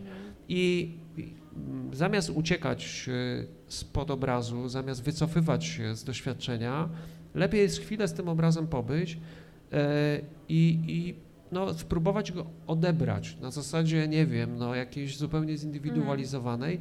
Tutaj zacytuję słowa Stańko, świętej pamięci, e, e, jak wiecie, świetnego muzyka, a on gdzieś w wywiadzie czytałem, powiedział, że, bo dla niego malarstwo było bardzo ważne, to jest, e, to jest taka ciekawostka. On kiedyś po, powiedział, w, e, bo ktoś mu zadał podobne pytanie właśnie, jak on, jak on e, odbiera obrazy. I on powiedział, że on idzie, jak ma potrzebę e, e, pooglądać sobie sztukę, to idzie do galerii, do muzeum, se s- jak czegoś właśnie tak nie bardzo może zrozumieć, to staje przed obrazem i mówi do niego, no mów do mnie, mów. No i to jest metoda chyba oglądania, tak? E, obraz mówi, każdy obraz mówi, tak? Na, róż, róż, na różne sposoby. Jed, niektóre obrazy krzyczą, bo są tak ekspresyjne, są takie nachalne, są takie ekshibicjonistyczne, a niektóre są bardzo Niektóre liryczne. są nieśmiałe i trzeba je zachęcać. To Trzeba je zachęcać. Sta- Stańko zdecydowanie wiedział, do których się tutaj obrazów zwracać, żeby mu coś podpowiedziały. Ale, ale to jest tak, że każdy obraz jest inny i na dodatek jeszcze jest tak, że my jesteśmy bardzo różnymi rozmówcami z tymi obrazami, tak? Jedni wymagają podpowiedzi w jednej sferze, a inni w drugiej, więc to też jest, y, to jest tajemnicza sprawa. Ja nie wiem, jak się w zasadzie tak jednoznacznie do tego odnieść, nie? Myślę, że dość. Na pewno nie wyczerpałeś tematu, ale mocno rozjaśniłeś Ale mamy książkę mnie. wydać, słyszałem to. Tak, to przynajmniej artykuł. Mocno rozjaśniłeś to zagadnienie i, i jest to takie budujące, że mamy prawo do tej subiektywnej oceny, mamy prawo do intuicyjnego odbioru sztuki. I to jest ten jedyny właściwy, jeszcze tylko to dodam. Wydaje mi Mhm. się, że to jest jedyny właściwy odbiór, każdy inny zawałszowuje. E, intelekt wspomaga odbieranie, ale bazowanie tylko na, na intelekcie, e, na wiedzy zgromadzonej, e, dziedzinowej prowadzi na manowce. Ktoś kiedyś z moich pedagogów powiedział, że historycy, krytycy sztuki są świetnie przygotowani do interpretowania sztuki, natomiast niestety kompletnie jej nie rozumieją, tak? I więc to jest też problem, tak? Tak na No tak, marginesie. też gdzieś taka opinia istnieje, prawda, że nadmiar tego podejścia, takiego intelektualnego, przeintelektualizowania tego, mm, tego tematu twórczości i nadmiar gdzieś faktów w głowie rzeczywiście może, może gdzieś przeszkadzać w tym odczuwaniu i tym świeżym spojrzeniu, prawda, na to także może da się to jakoś połączyć, no bo też, też wartością jest oczywiście zgromadzenie wiedzy. E, Dobrze, Jacku, powoli. Myślę, że tych wątków jest tyle. Ja też rozmawiam się bardzo dobrze. Widzę, że Państwo są zasłuchani, więc moglibyśmy pewnie kontynuować w nieskończoność, ale żeby jak, jakich sieram się trzymać tego spotkania, to powoli sygnalizuję, że zmierzam do ostatniego zagadnienia, a Państwo, jeżeli mogą, to zastanówcie się nad ewentualnymi pytaniami, bo na pewno nie poruszyłam wszystkich tematów, które mogą Was interesować. Jeżeli są jakieś pytania, to będzie na nie zaraz przestrzeń. A ja jeszcze y, nawiążę do takiego już bardzo przyziemnego wątku y, kultury lokalnej, łódzkiej. Tu mamy takie zagadnienie, koloryt lokalny, jak Ci się żyje, tworzy, jest przedsiębiorcą, bo to też Twoja tożsamość tak naprawdę w jakimś sensie, tak? No masz swoją pracownię, inspirujesz się naszym miastem. Jak jest w Łodzi, bo jesteśmy w naszym mieście, chcemy je an- animować poprzez też ten projekt, chcemy e, wzbogacać tę ofertę kulturalną właśnie rozmawiając z osobami inspirującymi tak jak Ty, więc daj trochę takiego swojej, swojej perspektywy na to, jak tu się tworzy, mieszka okiem artysty. No myślę, że tutaj nic nowego nie powiem. E, Bardzo ładnie dwa tygodnie temu opowiadał Michał o, o e, na podobny temat gdzieś tam rozmowa zjechała, no bo on też e, faktycznie dużo tu takich doświadczeń miał, lepszych, gorszych. No wiecie Państwo, Łódź jest świetnym miastem tak naprawdę, tak uważam i to nie mówię tylko dlatego, że to jest nagrywane. Naprawdę tak uważam i czasem po prostu boli mnie, że potencjał tego miasta jest niewykorzystany, tak, że, e, że tutaj mogłoby się jeszcze więcej rzeczy fajnych dziać, tylko po prostu brakuje trochę inicjatywy, bo nie wierzę, że brakuje pieniędzy, bo pieniędzy wydaje mi się jest bardzo dużo, e, e, tylko one gdzieś po prostu trafiają może nie do końca we właściwe miejsca i do właściwych osób. Ale trudno mi tutaj się na te tematy wypowiadać. Na pewno ze swojej strony powiem tak. y, Cieszę się, że mieszkam w Łodzi. To znaczy, jakbym miał jakimś w innym dużym mieście mieszkać w Polsce, to wybrałbym Łódź. Okej. Jednak, tak? Dlatego, że Łódź ma swoją specyfikę, którą Państwo znacie. Myśmy też wielokrotnie na przy różnych okazjach o tym rozmawiali. Wydaje mi się, że e, nie ma w życiu przypadków i to, że się tutaj jakoś znalazłem, urodziłem, no to, to jest widocznie miasto, w którym mam być, tak? Więc ja jestem pogodzony z tym, że jestem w Łodzi. To, że jest tutaj coraz fajniej, no to świadczy o tym chociażby ta sytuacja, że siedzimy teraz tutaj, tak? Że, że te ogrody Gejera, które kilka lat temu były, no straszyły tutaj pustkami, tak? Bo były wiadomo, najpierw zakłady Dzierżyńskiego, później Eskimo, później długa ruina, nic, tak? No i teraz jakoś to wygląda. Oczywiście możemy się skupiać na rzeczach takich... Na e, wyboistym wjeździe. na wyboistym Wólczańskiej. jeździe, na tym, dlaczego tak, a nie inaczej, Tak. tak, kto na tym zarobił, tak, no wie, wszystko, jest, wszystko może być, tak, tylko y, ogólnie mało nas to dotyczy tak naprawdę, tak ja sobie myślę i wydaje mi się, że jakby chcieć skupić uwagę na tym, co w Łodzi jest dobrego y, dla twórców, to jest tych rzeczy naprawdę wiele, tylko one są poukrywane, tak?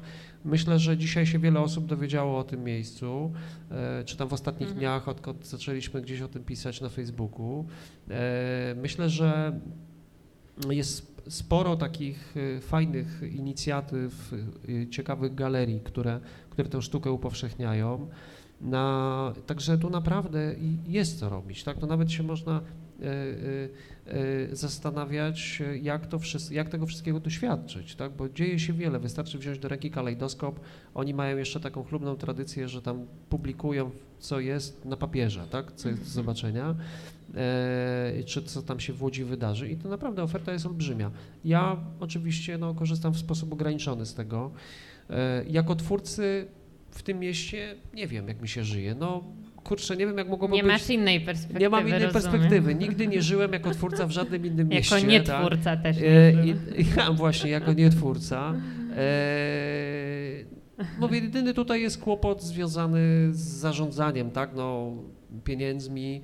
E, ja jakimś cudem w ogóle udało mi się po wielu latach e, wynająć od miasta pracownię, e, bo, bo nie chcę użyć słowa dostać, tak, bo tu naprawdę czasy, kiedy artyści dostawali już dawno temu się skończyły.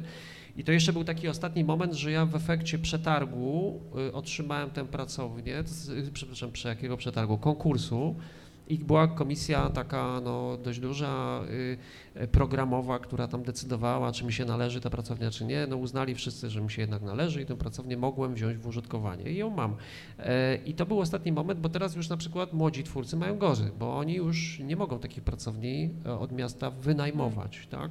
E, No więc znowuż sprowadza się wszystko do pieniędzy. W zasadzie na pewno mówimy o sztuce, ale bardzo byłoby łatwo przekalibrować tę rozmowę tutaj na tematy materialne i na pieniądze, bo to w pewnym momencie sztuka się z pieniędzmi spotyka i bynajmniej nie chodzi wcale o te kwestie handlowe związane z obrazami, no bo tutaj akurat w ogóle rynku w Łodzi nie ma, tak? To, to tak od razu dodam. Mogę teraz ten moment pociągnąć, ten wątek pociągnąć, ale mówimy na razie tutaj o jakości życia y, w sferze miejskiej. No to prędzej czy później y, y, dochodzimy do tego problemu, który generuje najwięcej dla artystów problemów właśnie, też Mhm. problemu finansowego, tak? Bo z malarstwem i ze sztukami plastycznymi w ogóle jest tak, że one wymagają przestrzeni. Nie tylko czasu, obecności, poświęcenia i zaangażowania, ale też przestrzeni. Tak? No po prostu obrazy trzeba mieć gdzie malować i gdzie przechowywać. Mhm.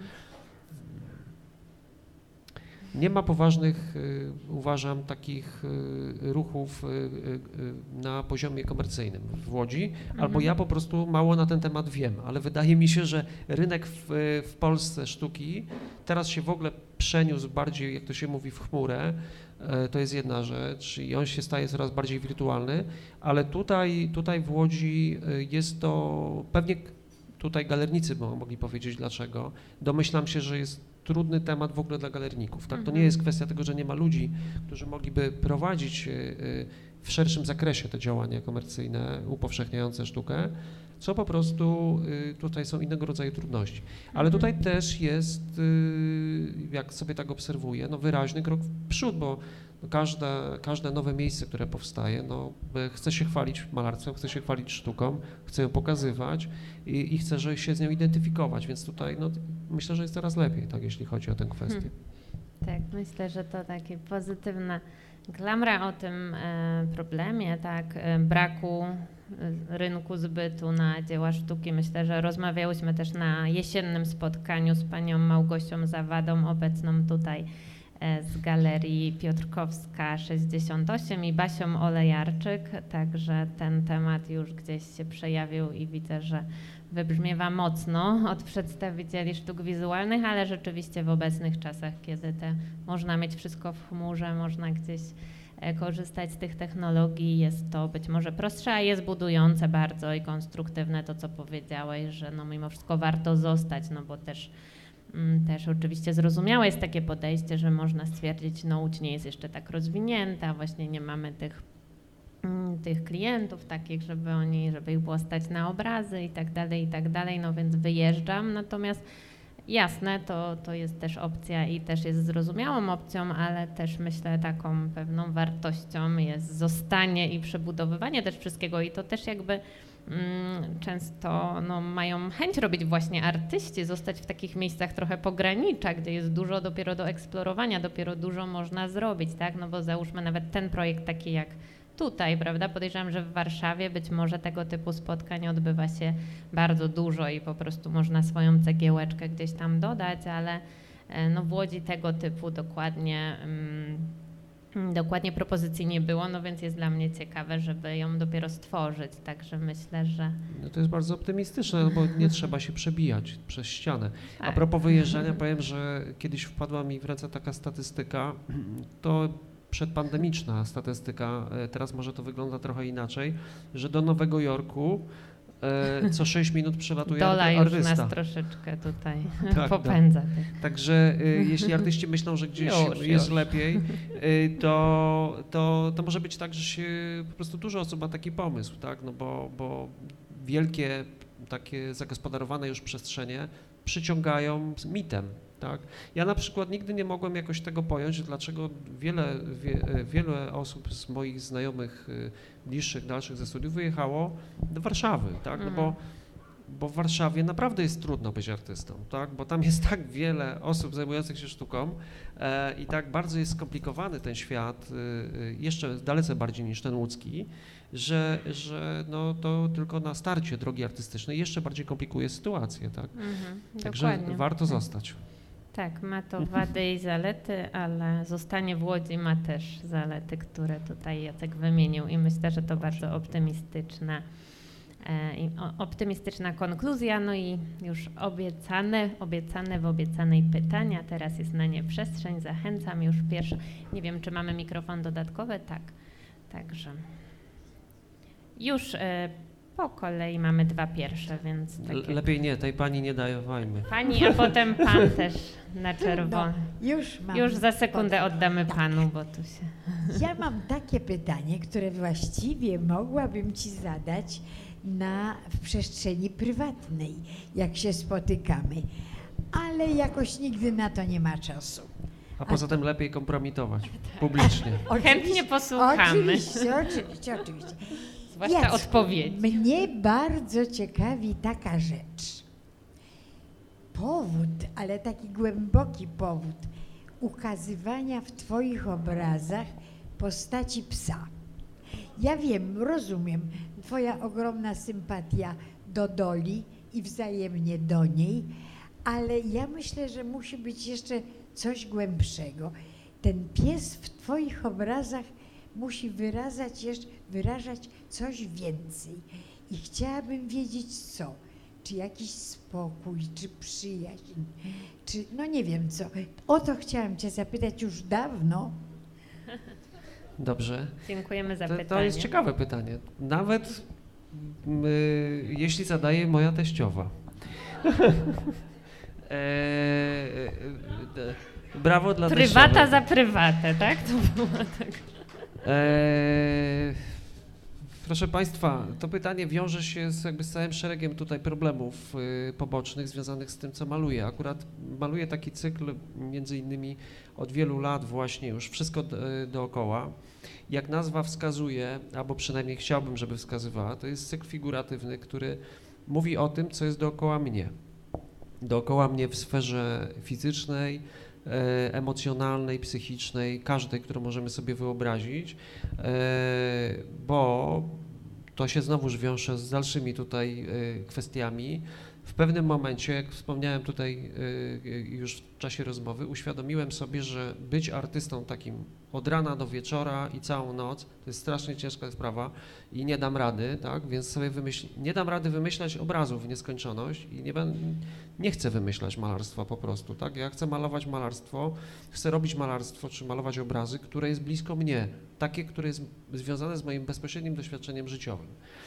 No w związku z tym bardzo mi się zawężył repertuar, tak? No bo jak dużo czasu spędzam w domu z psem, z żoną, e, chodzę na zajęcia, tak? Wyjeżdżam gdzieś tam na plenery, ale generalnie to mi, u- m, nie chcę powiedzieć uprościło, ale uporządkowało świat, tak? No po prostu zacząłem trochę jak Van Gogh patrzeć na te cyprysy, e, które rosną gdzieś obok mojego miejsca zamieszkania e, i robić z tego jakiś użytek estetyczny, malarski, taki, który by mnie satysfakcjonował i taki, który dawał mi by powód do tego, żeby się tym, nie wiem, podzielić, pochwalić może też czasem, tak? I teraz y, w tym, co jest dookoła mnie, jak się zacząłem zastanawiać, co jest dookoła mnie, tak, no to pierwsze skojarzenie mamy wszyscy podobne. Ludzie, meble, przedmioty, tak, y, no i to, co tam za oknem może, tak, no to jest fizycznie obok nas. Ale obok nas jest przecież też natura, po prostu w szerokim tego słowa znaczeniu.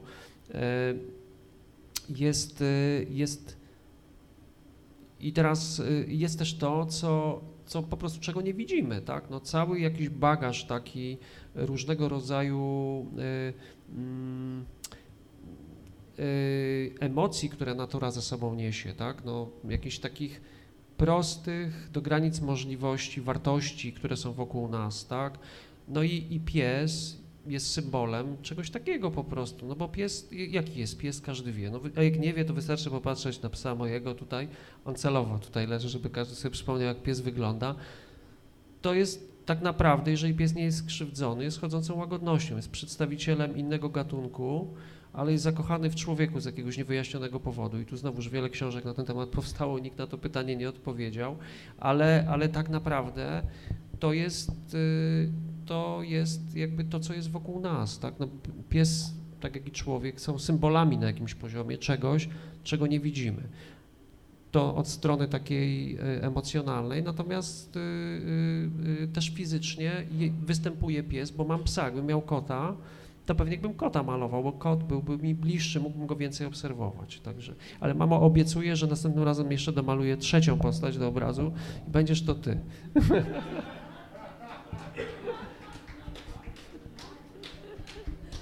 Dziękujemy Powiedziałem za wyczerpującą. publicznie. Marta, jeżeli mogę prosić się wtrącić, bo był Pan wcześniej, więc jakby No, widzę tu ze sceny, widzę. To też będzie problem zaraz. Także za...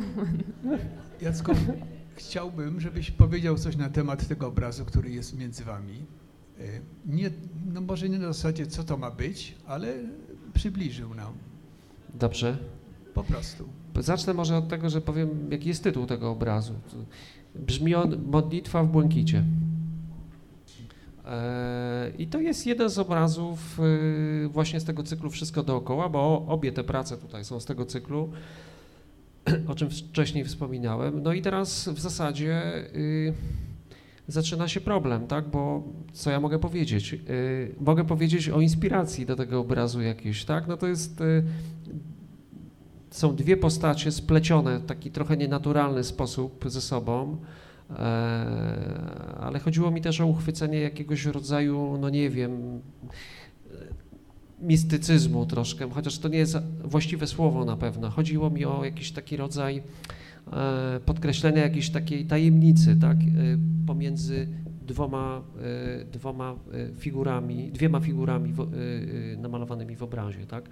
Wiesz, to pytanie, które mi postawiłeś, ono jest bardzo ogólne, tak? I teraz jak ja mówię, że tam są dwie figury, to może się okazać, że ktoś tutaj na sali widzi jedną, a ktoś trzy figury w ogóle, tak?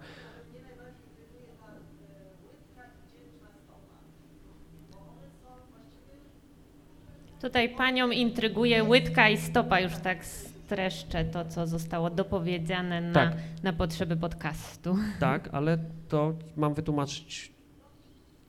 Dlaczego tak? Wytłumacz proszę.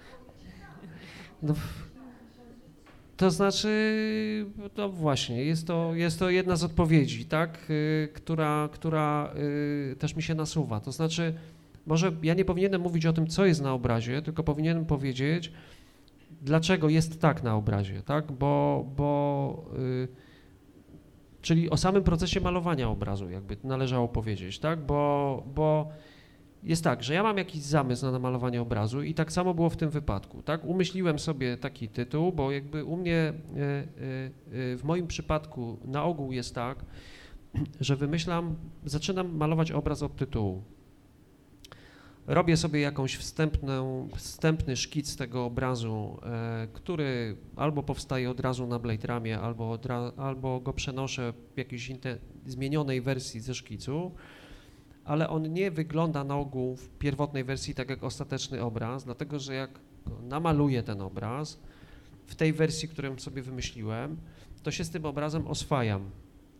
E, I czasem trwa to błyskawicznie i od razu jesteśmy już, że tak powiem, zaznajomieni, a czasami jest tak, że trwa to długo i muszę się oswoić z tym, co tam powstało, bo mam jakiś rodzaj niedopasowania, którego nie rozumiem namalowałem coś, co mi się nie podoba w pewnym sensie, albo robi na mnie wrażenie nieskończonego, chociaż wydaje się, że jest skończone, albo robi na mnie wrażenie źle namalowanego, jakby czegoś brakowało, albo czegoś było za dużo. No i wtedy jest taki czasem dłuższy, czasy, czasem krótszy czas y, y, modyfikacji tego obrazu, już z poziomu bardziej intuicji, ale też intelektu, tak, czyli przynajmniej tak planuję, żeby wykorzystać tę wiedzę z zakresu kompozycji, którą posiadam i też się posiłkować nią troszeczkę, e, no, eksperymentując z formą w miarę możliwości. Co prawda z obrazami figuratywnymi jest tak, że jeżeli zależy mi na tym, żeby tam były czytelne kształty ludzi, no to, no to nie mogę sobie tutaj pozwolić na totalnie abstrakcyjne działania, ponieważ to cały czas musi być y, gdzieś w granicach poprawności anatomicznej, tak? żeby to gdzieś y, y, no, robiło wrażenie y, postaci ludzkiej.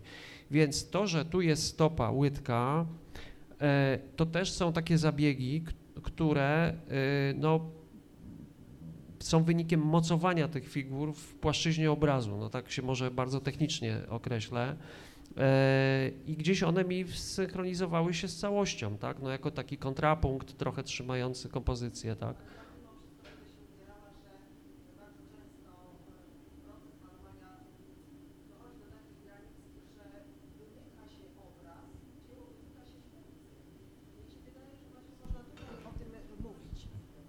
Z całą pewnością. No właśnie, bo ty mówisz tutaj o technicznej stronie, że y, y, podparłeś, że kompozycja i tak dalej. A ja myślę sobie, że jak się uprzemy bardzo, a nie chcę się upierać, absolutnie, nie chcę zajmować czasu, że jak się uprzemy, to okaże się, że można y, stworzyć piękną metaforę, jeżeli chodzi o tę łydkę i tę stopę, Tak. bo ta stopa nie stoi twardo na podłożu, ta stopa jest wygięta jak w balecie, prawda? Poza tym łydka i stopa nie jest kolorowa, jest, ma kolor tła. Y, Brąz i tak dalej, i tak dalej. Chcę tylko Ma- powiedzieć, tak. że mówiłeś o intuicyjnym odbieraniu obrazu, tak, tak. a bardzo często artysta malarz maluje intuicyjnie, prawda? Dzieło go zaczyna prowadzić i tutaj już jest metafizyka. Ależ oczywiście, że tak. Mówimy dokładnie o tym samym, tylko jakby skupiłem się tutaj na jednym y, y, z równoległych wątków, tak? To znaczy, bo ja mówiłem o tym, jak ten obraz powiedzmy powstawał, tak? Ale dlaczego, jak miałem odpowiedzieć na pytanie, dlaczego namalowałem tę łydkę w tym miejscu, to bym tylko mógł powiedzieć, że ona kompozycyjnie mi tu po prostu pasowała. Natomiast skąd tak te pomysły nam przychodzą tak do końca, to nie wiadomo, no to jest jakiś proces, w którym płyniemy, tak? E, z tym, że no ja, żeby być bardziej świadomym tego, co zrobiłem, no to próbuję to umocować też sobie jakoś, powiedzmy, taką konkretną warsztatową wiedzą, tak? Bo, bo poza tym, że pomysł namalowania stopy, dłoni gdzieś w miejscu, gdzie jej nie powinno być albo gdzie nie było jej wcześniej, przychodzi e, z poziomu e, takiego irracjonalnego myślenia, to jednak jest też tak, że y, jakbyśmy pogrzebali troszeczkę w teorii e, kompozycji, to się okazuje, że to nie jest przypadek, że nam to przychodzi, bo to gdzieś odgrywa rolę elementu równoważącego kompozycję lub jakiegoś elementu, który, nie wiem, no, odciąża jakiś inny fragment obrazu, tak, mówiąc tu przewrotnie. Więc to, tu, tu się spotykają y, dwa światy. Ja jestem w ogóle zdecydowanie po stronie takiego myślenia, że no, malarstwo musi powstawać z poziomu intuicji i, i właśnie z tego poziomu nieuświadomionych treści, ale z drugiej strony, jeżeli jest tylko zapisem tej intuicji i tego wszystkiego, czego nie rozumiemy, to jest jak w ogóle jeżdżenie na Mustangu, tak, no po prostu, który nie jest opanowany w żadnej sferze, no i to się kończy katastrofą prędzej czy później, tak. Okej, dziękujemy bardzo za pytanie. Pytanie od operatora będzie teraz. E, Widzę. Ja mam pytanie odnośnie, e, może to powiedzieć, stylu, czy e, jak na przykład u swoich uczniów, czy na przykład dostrzegasz pewną część siebie i czy jest to bardziej w tym takim części figu- figuratywnej, tak, i, czy kompozycyjnym, czy może bardziej malarskiej i e, plastycznej? E, Czy, czy ty to jakby podczas właśnie swojej takiej kariery pedagogicznej jakby e, znajdujesz to w pracach swoich uczniów? Podejrzewam, że Kamil zadał mi to pytanie dlatego z, z troski o samego siebie, bo się u mnie uczy malować. Boi się, żebym się nie nauczył tak jak ja.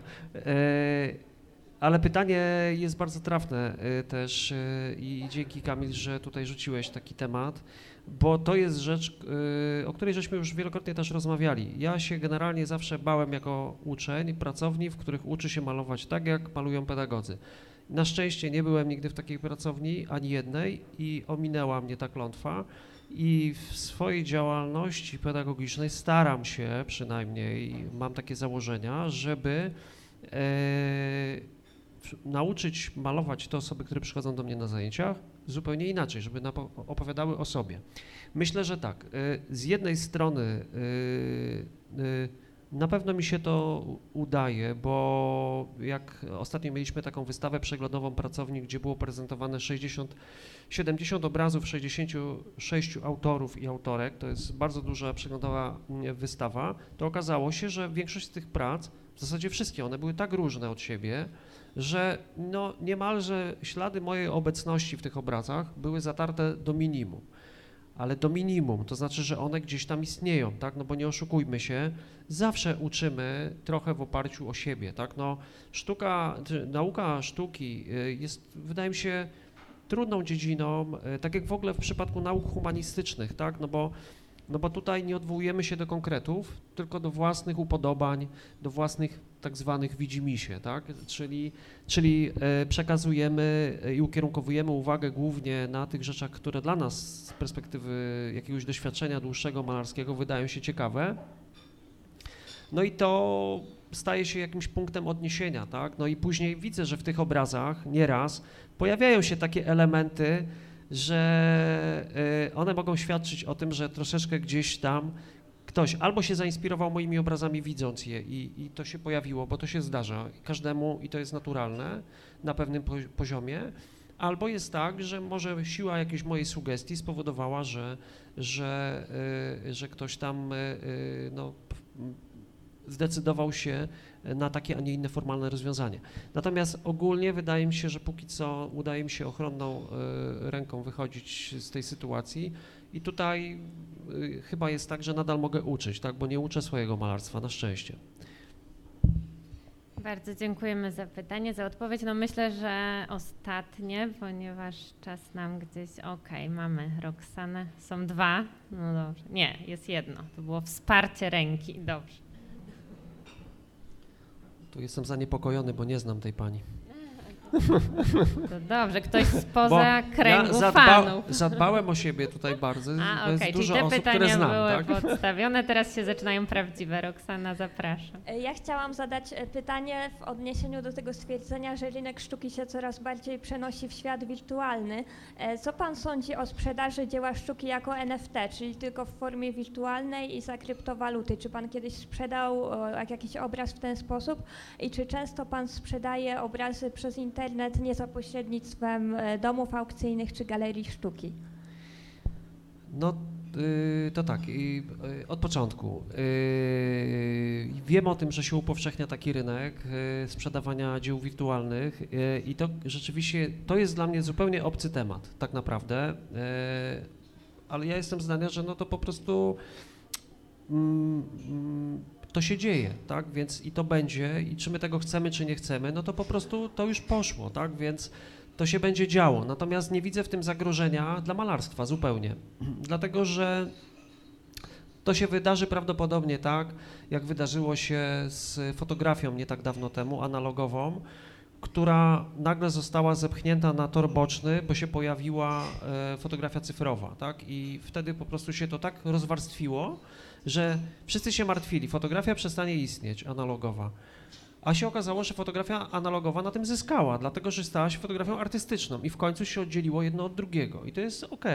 I tak samo sztuka, która jest sprzedawana na specjalnych, e, e, właśnie za kryptowaluty e, i ta sztuka, która jest sprzedawana w postaci takiej wirtualnej tylko i wyłącznie, no to ona, ona też będzie pewnie wypełniała jakąś część rynku, która jest. No ja nie biorę w tym udziału, w ogóle nie, nie mało wiem, nie jestem specjalistą w tej dziedzinie, ani ekspertem, więc tutaj no tylko mogę o tym e, powiedzieć tak naprawdę, tak? Natomiast jeśli chodzi e, no, świat się po prostu zmienia i wszystko, co jest w tym naszym świecie dookoła nas, też się zmieniać musi, żeby nadążyć, tak? No, tak to wygląda. Natomiast jeśli chodzi o sprzedaż internetową, i, aukc e, i poprzez aukcje internetowe, które są coraz bardziej popularne i w zasadzie one chyba, nie wiem, większy procent rynku stanowią e, aktualnie, to powiem tak, że jak skończyłem akademię i się powoli ten rynek zaczął przenosić do internetu, to był,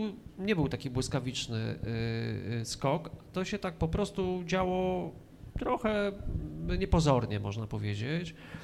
To ja sobie tak myślałem, że to trzeba na głowę upaść, żeby kupić obraz przez internet, którego się nie widziało, tak? No bo e, to jest różnica między tym, co na wyświetlaczu, na monitorze, na, na ekranie te, e, telefonu jest olbrzymia.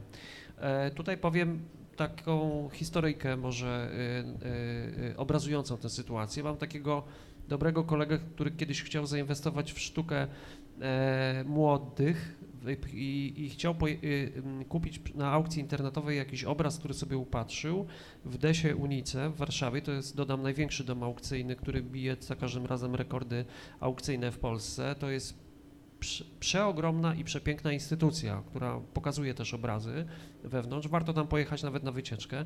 Natomiast y, i my pojechaliśmy, bo oni mają taką strategię. Y, Jest wystawa istniejąca fizycznie, ona trwa powiedzmy około tygodnia, można sobie pojechać ten obraz zobaczyć, ale aukcja jest przez internet.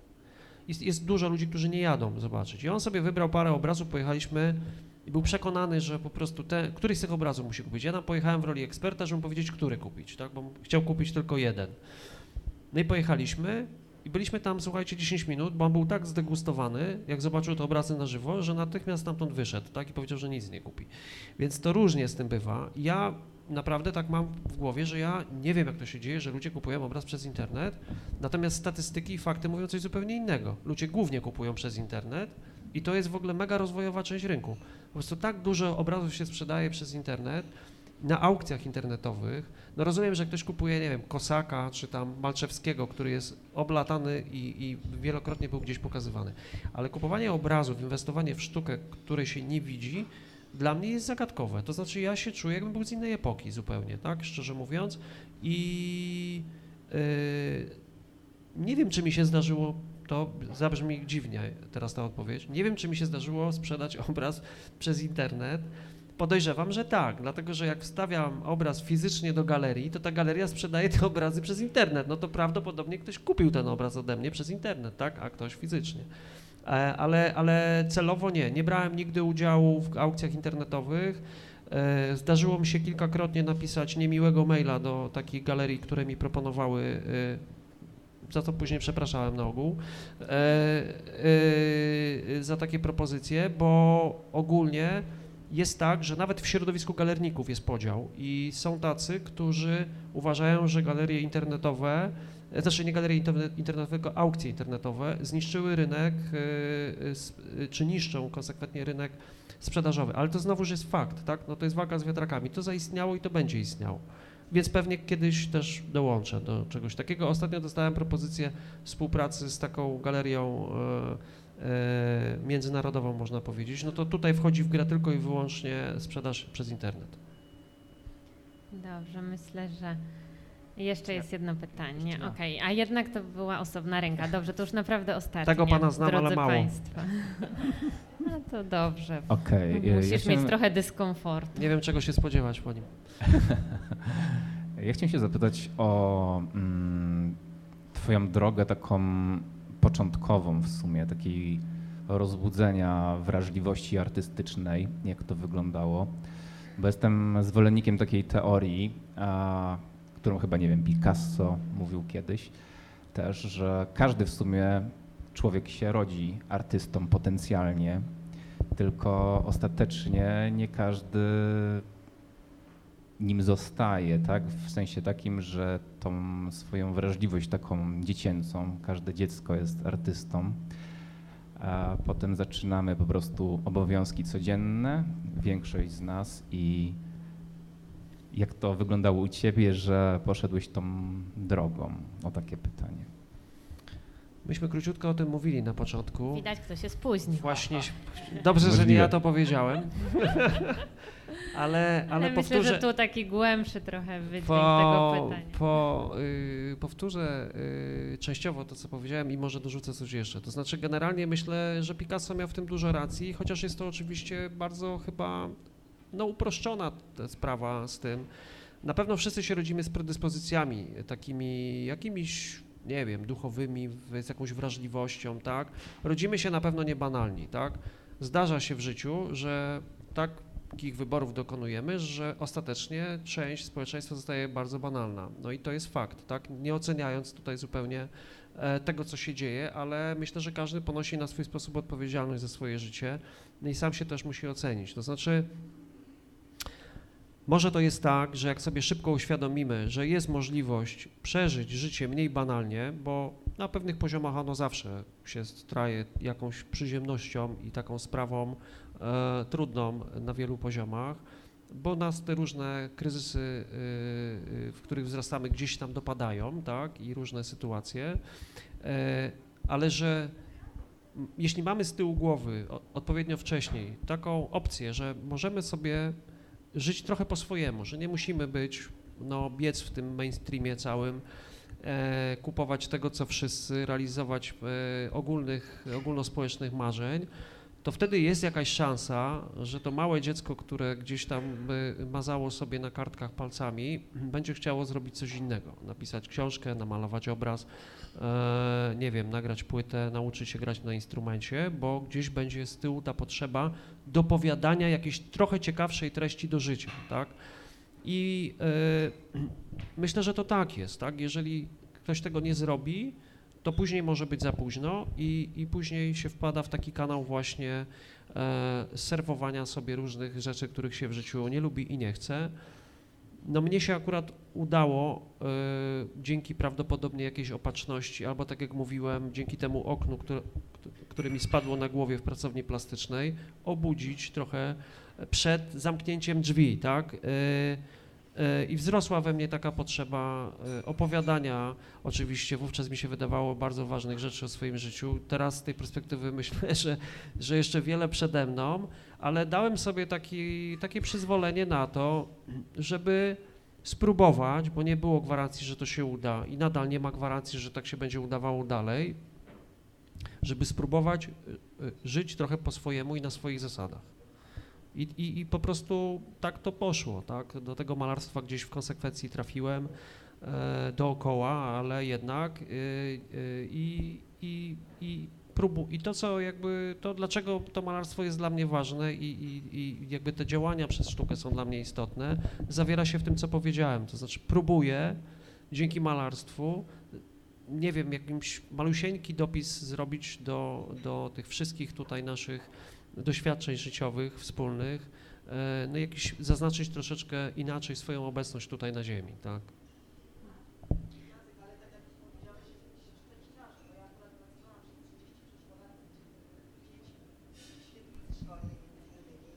Zapewniam, zapewniam i zapewniam wszystkich, że każde dziecko rodzi się artystą. Trzeba mu tylko dać szansę. Ty jesteś szczęściarzem. Może przez bieg okoliczności ktoś właściwy stanął na twojej drodze.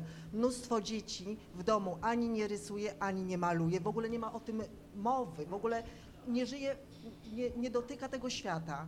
Potem przychodzi do szkoły, w którym leży plastyka, leży na podłodze muzyka, w ogóle niefachowcy często pracują, wykładają te przedmioty. A przecież te artystyczne przedmioty powinny być najważniejsze, bo one kształtują osobowość, wrażliwość człowieka na drugiego człowieka, na, na świat.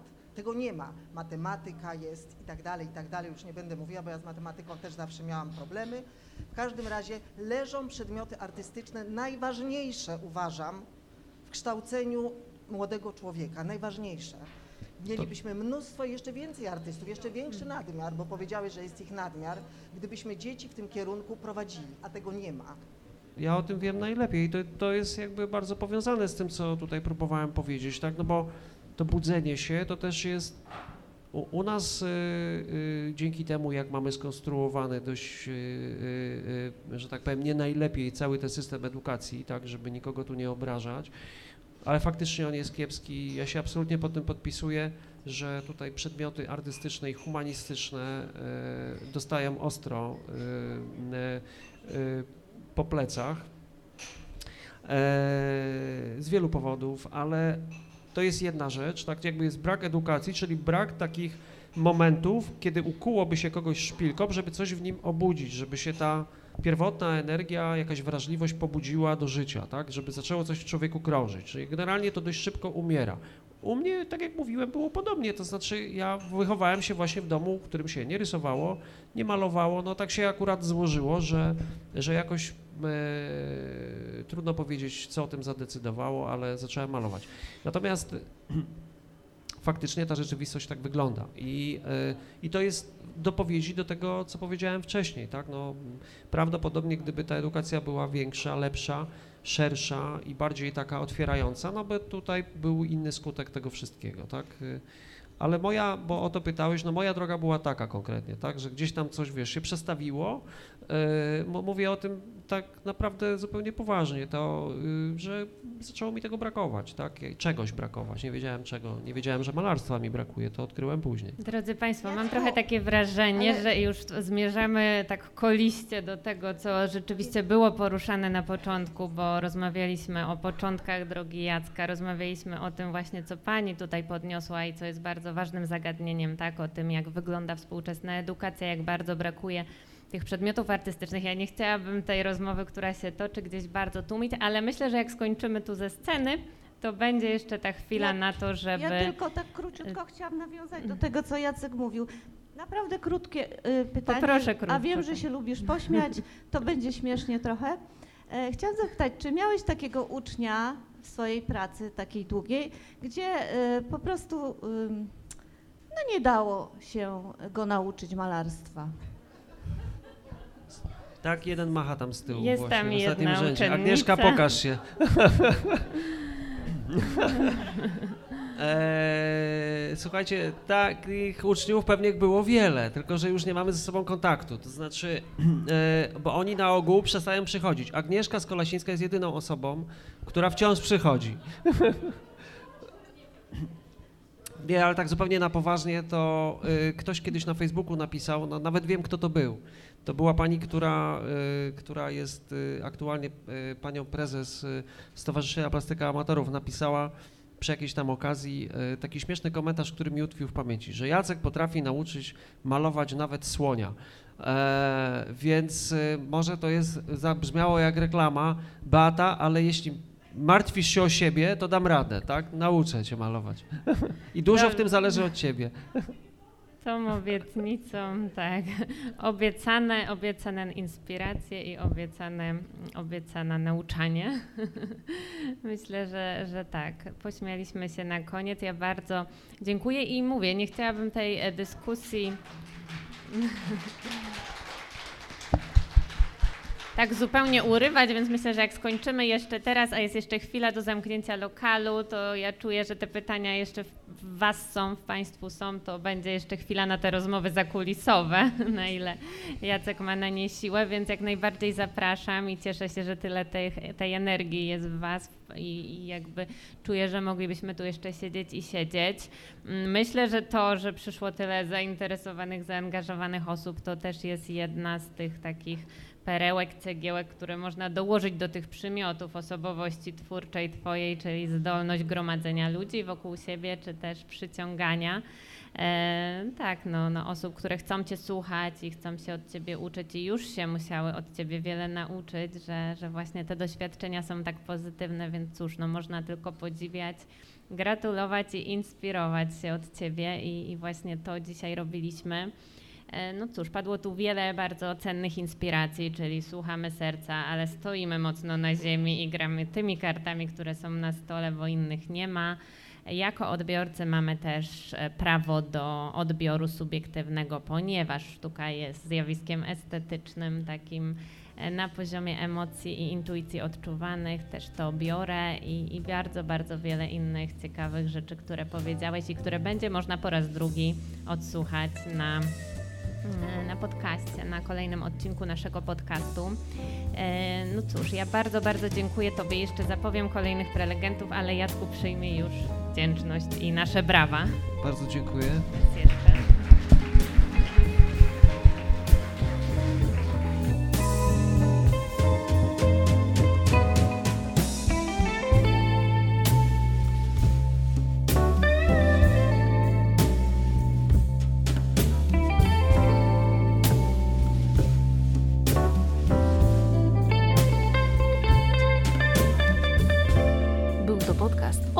Rozmowa, nagrany i wyprodukowany przez kawiarnię Obiecana Cafe.